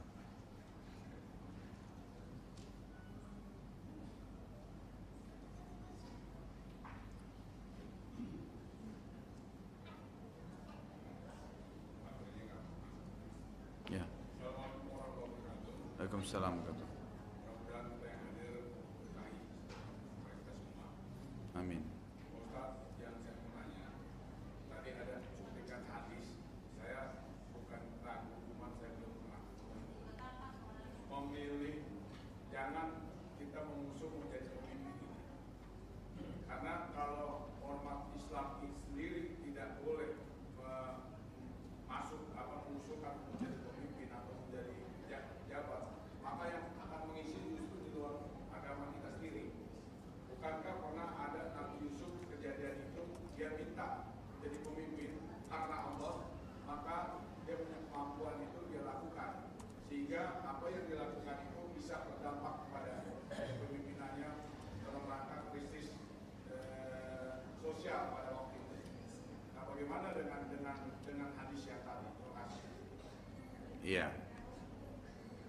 Jadi saya mulai dulu dari perkataan Bapak tadi yang mengatakan Nabi Yusuf alaihissalam pernah menobatkan diri menjadi pemimpin atau menawarkan diri ya. Itu dulu perlu diperbaikin Pak, karena waktu itu Nabi Yusuf alaihissalam ditawarkan oleh Raja Mesir untuk menjadi sekretaris negara. Tapi beliau sendiri waktu dapat penawaran itu mengatakan, saya lebih cocok menjadi menteri perekonomian daripada menjadi sekretaris negara, gitu kan? Karena saya punya kemahiran dalam mengatur ekonomi. Jadi beliau bukan jadi Raja Mesir pada saat itu. Beliau hanya menjadi salah satu stafnya Raja Mesir. Nanti setelah Raja Mesir meninggal, baru beliau menjadi Raja. Jadi beda, tidak connect dengan masalah tadi yang kita jelaskan. Kalau itu tadi riwayat sahih, itu riwayat sahih diriwayatkan semua buku sirah menyeriwayatkan dan semua di Sahih Bukhari, Sahih Muslim dalam bab sirah nabawiyah disebutkan riwayat itu bahwasanya Nabi SAW membuat kesepakatan muahada dengan orang-orang kafir dan menubatkan diri beliau sebagai pemimpin. Belum ayat lagi tadi yang mengatakan hai orang beriman jangan kalian menjadikan orang Yahudi atau orang musuhku dan musuh kalian adalah pemimpin. Ayat lain juga ada mengatakan ya yang bunyinya hai orang beriman jangan kalian jadikan Yahudi dan Nasrani sebagai pemimpin kalian. Sebagian sebagian pemimpin sebagai sebagian yang lainnya, gitu kan? Dilarang oleh Allah Subhanahu wa taala. Kita memang harusnya begitu. Jadi memang masalah menobatkan diri ini hadisnya jelas, hadis Bukhari Muslim di mana Nabi SAW bersabda begini, tadi yang saya jelasin ya. Inna wallahi, ini hadis Bukhari Muslim. La nuwalli ala hadal amal ahadan sa'alahu au harasa alaih. Kami demi Allah tidak akan ya tidak akan pernah menobatkan seseorang jadi pemimpin atas perkara umat Islam ini, gitu kan? Seseorang yang sengaja memintanya atau mengejarnya. Emang tidak boleh. Karena nanti dia akan pilih maslahatnya, maslahat dia sendiri gitu kan. Dia tidak akan menjalankan maslahat umat Islam. Kita bayangkan ya, ini kasus saya, saya bicara sendiri dengan tetangga saya. Tetangga saya kebetulan beliau sempat pernah menobatkan uh, apa men, uh, mendaftar menjadi wakil Bupati Jombang. Saya tanya gini, saya silaturahmi, eh, saya datang ke rumah beliau menjaga ukhuwah gitu kan, silaturahmi untuk keluarga. Jadi saya bilang, Pak, kenapa sih banyak pejabat kita kalau menjabat? Gitu kan. Lima tahun nggak menjadikan jabatannya itu kesempatan untuk jadi amal jariah. Kita kan sekarang bapak kalau mau bangun masjid kan butuh modal banyak tuh. Tapi kalau kita jadi jadi raja jadi presiden anggarannya kan banyak. Tinggal bangun aja masjid demi untuk maslahat umum kan gitu jadi kesempatan amal jariah kan banyak kenapa mereka nggak lakukan itu jawabannya beliau adalah pak ustadz sistem kita yang bermasalah seperti saya bahasakan tadi ya Memang sistem kita yang banyak masalah di Indonesia. Sistem demokrasi yang tidak benar dari barat dicaplok, dipuangkan di, di umat Islam ini.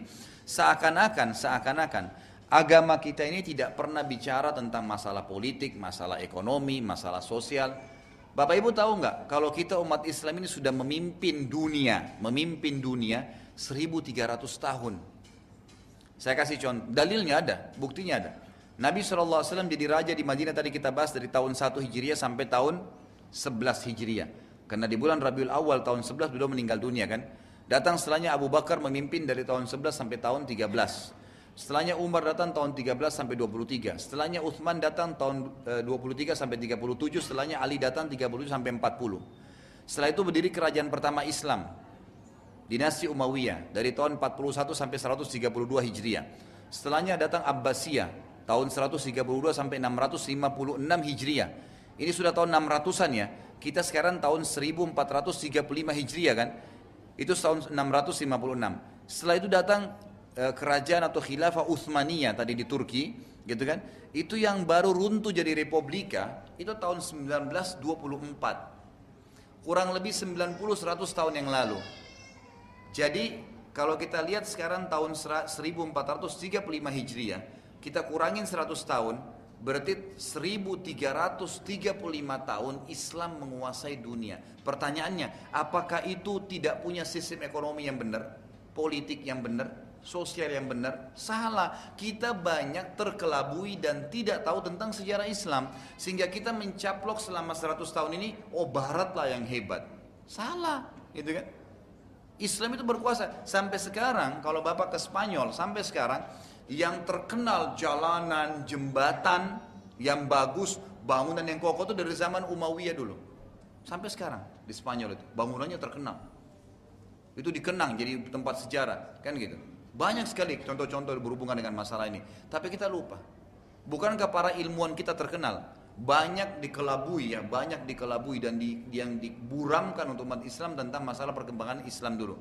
Ada sebuah buku saya pernah temukan dan saya jadikan tesis referensi tesis S2 saya waktu itu. Itu kalau tidak salah kalau kita uh, di bahasa Indonesia itu kulturul Islam. Terjemahan dari bahasa Arab itu. Itu ada banyak uh, apa namanya uh, foto-foto di situ dan fakta-fakta yang didatangkan.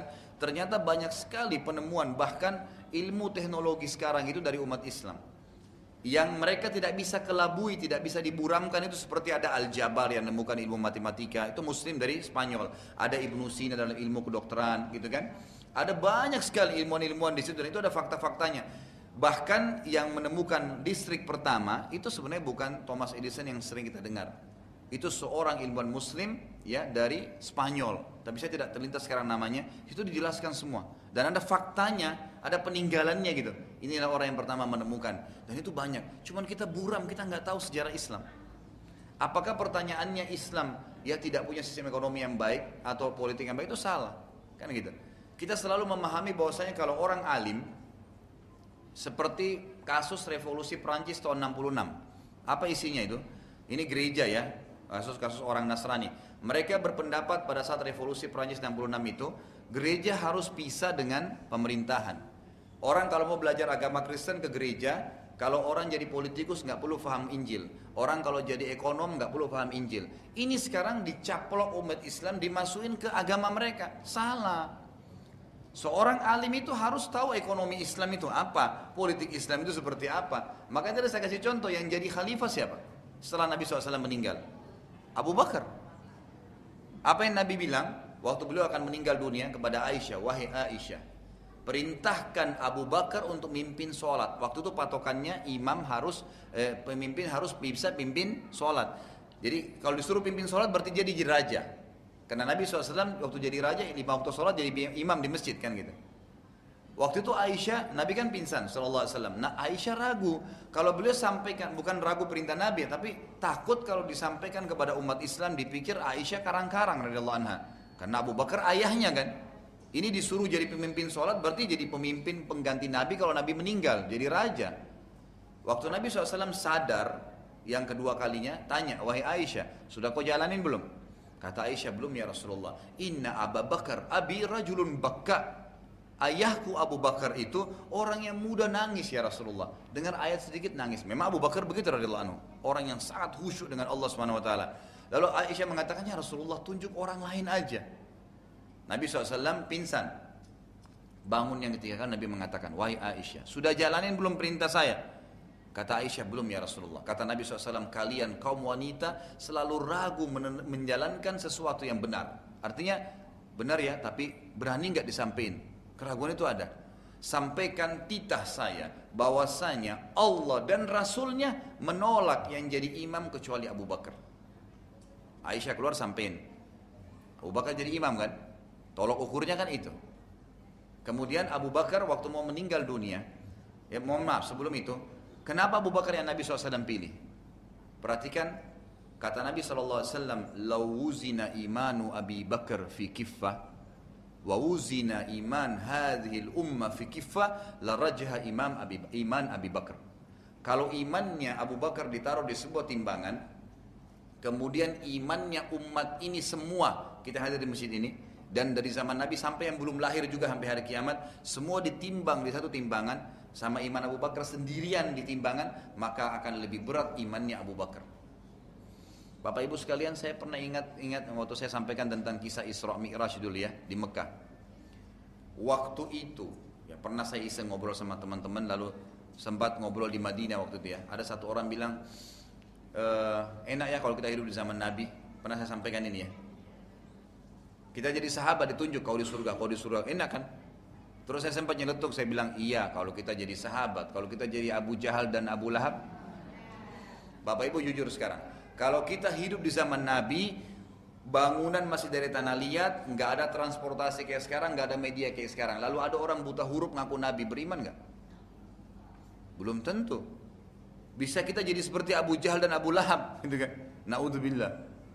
Jadi kita kalau beriman sekarang ini sudah sebuah nikmat yang luar biasa. Karena media sudah gampang, kita lebih gampang memahami, banyak buku, Quran sudah lengkap. Bukan kayak dulu. Waktu Nabi SAW balik dari Isra Miraj, kan Nabi duduk depan Ka'bah, bingung. Kejadian apa nih semalam nih? Abu Jahal datang dekatin, Abu Jahal bilang apa? Wahai Muhammad, ada apa dengan kamu? Nabi SAW dengan polos ceritain, tadi malam datang Jibril kepada saya, bawa burak, burak itu kuda, ada sayapnya, seterusnya saya naik langit, saya ke Palestina, ke naik langit pertama sampai langit tujuh, terima pindah sholat, balik lagi. Abu Jahal waktu dengar, Abu Jahal bilang, wahai Muhammad, kalau saya kumpulkan masyarakat Mekah, apa kau mau ceritakan nih? Kata Nabi SAW, iya. Kenapa Abu Jahal mau kumpulin masyarakat Mekah suruh dengarin orang? Belum pernah Abu Jahal suruh orang dengarin ceramah Nabi. Karena bagi Abu Jahal ini gila. Mana bisa perjalanan Mekah Palestina sebulan, pulang lagi sebulan dalam satu malam. Itu aja. Bapak Ibu sekarang kalau ada yang di masjid ini orang bilang, saya tadi pagi ya jam 5 subuh ke New York, sekarang sudah datang. Percaya nggak? Pesawat loh ini canggih. Mustahil karena perjalanannya saya sudah 13 jam lebih pulang 13 jam berarti 26 jam. Nggak mungkin sampai sekarang. Bagaimana zaman itu? Enggak ada media, perjalanan sebulan kuda tercepat, sebulan pulang, dua bulan. Belum lagi mi'raj ke langitnya. Nabi SAW bilang iya, Abu Jahal naik di atas satu gunung namanya Gunung Abi Kubais tempat iklannya masyarakat maka teriak wahai masyarakat Mekah datanglah dengarkan Muhammad mau sampaikan ceramahnya gitu kan? orang-orang Mekah bingung pertama kali Abu Jahal panggil semua kumpul lalu Abu Jahal bilang hai Muhammad sampaikanlah Nabi SAW ceritain kejadian Isra Mi'raj lengkap semua sudah selesai disampaikan, yang sudah beriman pun di kalangan sahabat yang baru masuk Islam sempat bertanya, ini benar nggak ya? Apa kata Abu Jahal? Agama Muhammad sebentar lagi hancur. Sebentar lagi hancur. Tinggal satu orang. Kalau kalian bisa koyahkan, hancurkan imannya, maka habis agama Muhammad. Cari Abu Bakar. Cari Abu Bakar. Abu Bakar lagi di kebun kurmanya. Gitu kan. Datang Abu Jahal dengan orang Quraisy, datang juga beberapa sahabat. Lalu Abu Jahal dari jauh teriak, wahai Abu Bakar, sahabatmu sudah gila Muhammad. Masa ngaku Isra pulang pergi perjalanan sebulan, dua bulan berarti dengan Mi'raj ketemu Tuhannya lagi. Abu Bakar dengan senyum balik ke dia lalu berkata kalimat luar biasa. Dia bilang, wahai Quraisy, bukan cuma Abu Jahal, semua kalian Quraisy. Kalau depan mata saya tembok warna putih, ini jelas putih. Muhammad bilang, bukan Abu Bakar, itu hitam.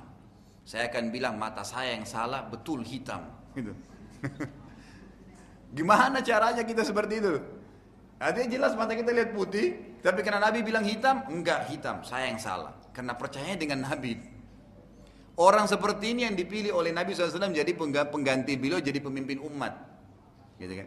Dia kalau sudah kenal Tuhannya, tahu mana Allah, mana hukum Allah, mana halal haram, maka itu orang yang luar biasa. Waktu Abu Bakar akan meninggal, Abu Bakar tulis wasiat apa? Saya meninggalkan untuk kalian kaum muslimin. Orang yang menurut saya paling tahu halal haramnya hukum Allah dan yang paling bertakwa, paling takut sama Allah. Itulah Umar bin Khattab, diangkat.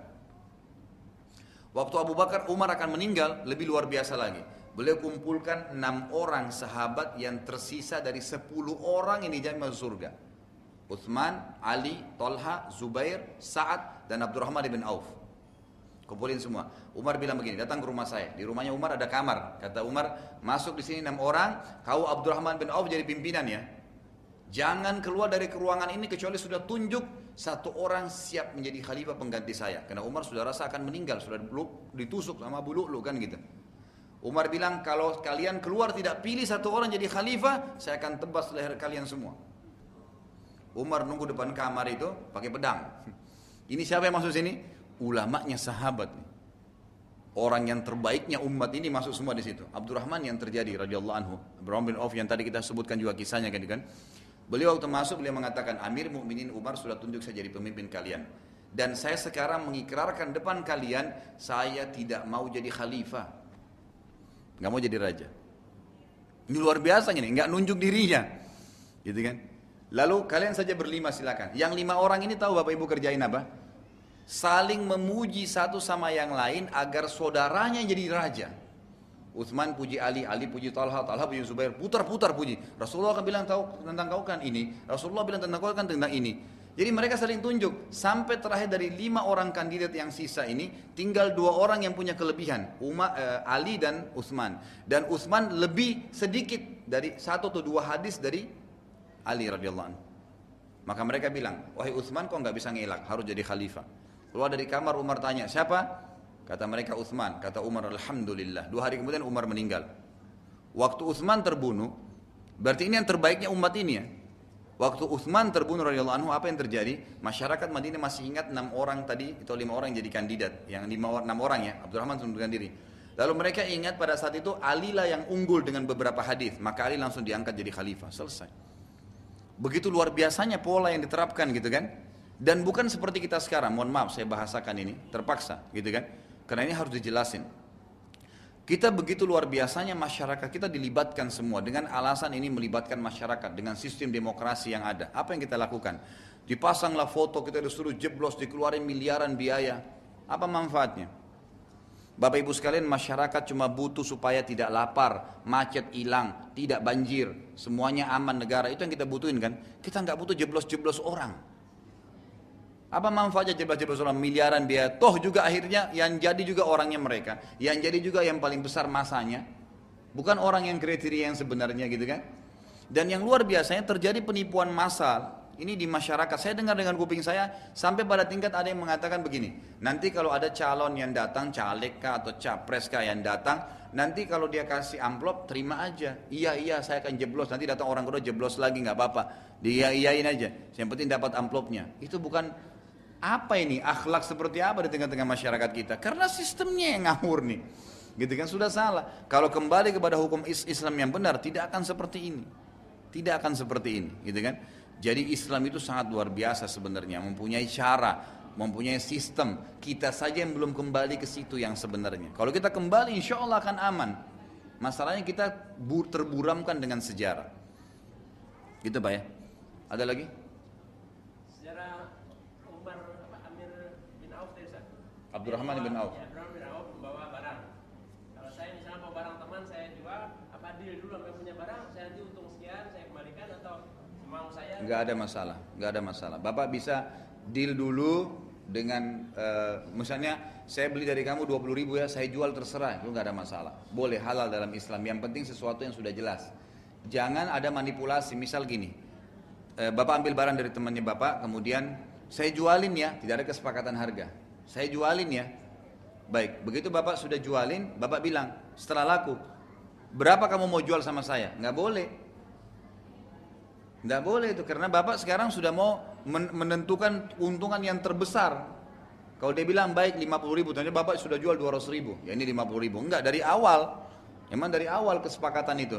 Berapa kamu jatuh, berikan kepada saya? Oh, saya berikan kamu 20 ribu. Udah, terserah kita jual berapa. Atau kesepakatan, berapapun yang terjual, nanti eh, modalnya sekian, untungnya kita bagi hasil.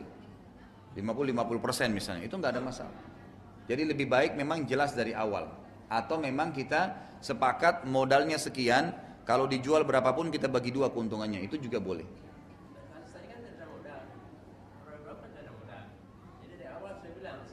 Iya, saya paham. Memang nggak ada masalah. Jadi kita bicara ini kalau orang tidak ada modal. Kalau ada modal dia nggak usah, dia sudah beli selesai, gitu kan? Ya. Dengan apa?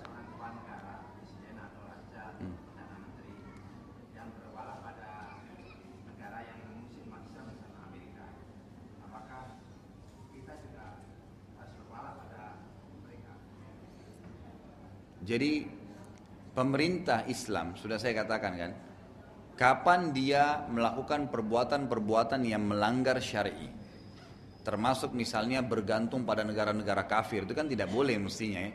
Mereka harus bisa bergantung dengan diri sendiri dan bergantung kepada Allah Subhanahu wa taala. Itu pelanggaran syar'i. Tapi selama kita boleh sholat tadi saya bilang kaidahnya nggak boleh kita nggak boleh kita melanggar, tidak boleh kita memberontak. Tapi apakah perbuatan mereka berwala dengan negara-negara kafir itu kita dukung? Jawabannya tidak. Kita nggak dukung karena itu pelanggaran syar'i kan.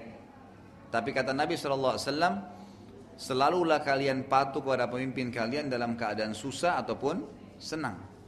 Ali radhiyallahu juga berkata begini, La yuslihun nasu illa amir. Tidak mungkin manusia bisa baik kecuali ada pemimpinnya. Barran kana au fajira orang itu dasarnya baik patuh pada Allah atau dia fajir. Fajir itu siapa? Orang muslim tapi masih buat dosa, gitu kan? Jadi muslim tapi dia masih banyak maksiat ya seperti umumnya orang terjadi sekarang pemimpin kita gitu kan. Jadi pemimpin umumnya umat Islam maksud saya bukan cuma di Indonesia. Jadi mas, belum 100% terapin hukum Islam, masih ada pelanggaran. Artinya masih ada tempat zina terbuka, masih riba sana sini, apalah sogok menyogok, macam-macam pelanggaran syariat terjadi karena orangnya memang tidak paham agama gitu kan. Nah kalau seandainya pemimpin seperti ini pun kata Ali tetap wajib dipatuhi pada hal-hal yang tidak melanggar agama. Lalu beberapa orang di sekitar Ali berkata, wahai Amir Mukminin, waktu itu jadi raja ya, wahai pemimpin orang beriman, Hada bar, fama balu bifajir. Kalau orang yang patuh, wajar. Orang yang dekat dengan Allah, wajar kita patuhi. Tapi orang-orang yang fajir, orang yang bermaksiat, kenapa kita harus patuhi? Walaupun itu hal-hal yang ya, apa namanya, yang apalagi dia ada pelanggaran agama. Kata Ali radhiallahu anhu, dengan dia jalan-jalan akan dibuat aman oleh Allah. Dengan dia musuh-musuh negara akan dihadapi. Dengan dia perputaran ekonomi akan berputar. Dan dengan dia, walaupun dia fajir, tetap seorang muslim selama pemerintahan dia terjaga gitu kan. Dia akan membiarkan mereka untuk sholat sampai mereka datang ajal. Artinya memang di sini ada kaidah yang jelas dalam hukum syari kita. Semua yang kita tidak senangi dan salah kita pungkiri dan kita doakan kepada Allah SWT agar diperbaiki bukan dengan pemberontakan dan semua yang baik kita dukung termasuk masalah warak dengan negara-negara non muslim yang sifatnya memang menggantungkan nasib sehingga memang diatur ya oleh negara kafir itu maka ini yang kita tidak boleh sebagai masyarakat dukung. Kita harus mendoakan agar mereka bisa melepas diri dari pemimpin-pemimpin atau negara-negara wala itu. Tapi kalau hanya sekedar kerjasama itu nggak ada masalah ya. Kerjasama ekonomi ya kan? Hmm?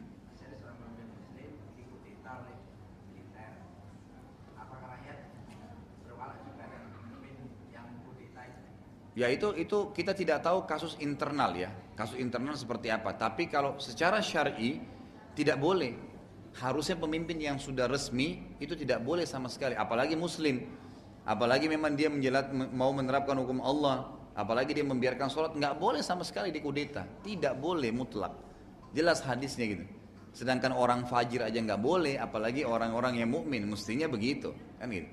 Jadi kalau saya ditanya masalah kasus Mesir, saya tidak berbicara tentang masalah ikhwan musliminnya atau kelompok apanya gitu kan. Tapi yang saya tahu hukum syar'i pemimpin yang sudah resmi wajib ditaati selama tidak larang sholat. Nggak boleh sama sekali. Alasan apa pun. Nggak boleh. Makanya Abdullah bin Umar pun radhiyallahu anhu itu dinukil dari oleh Imam Ahmad ya, yang mengatakan kita tidak boleh keluar dari pemimpin yang sudah dipilih atau setelah Allah tentukan dia jadi pemimpin dengan alasan apa pun, apalagi mengangkat senjata dengan atasnya. Itu nggak boleh sebenarnya. Jadi istilah kudeta itu tidak boleh terjadi kecuali dalam keadaan tadi saya bilang memang tidak bisa lagi umat Islam sholat. Itu kaidah hadis Bukhari Muslim tadi. Ada lagi? Ibu-ibu? Nggak ada. Baik.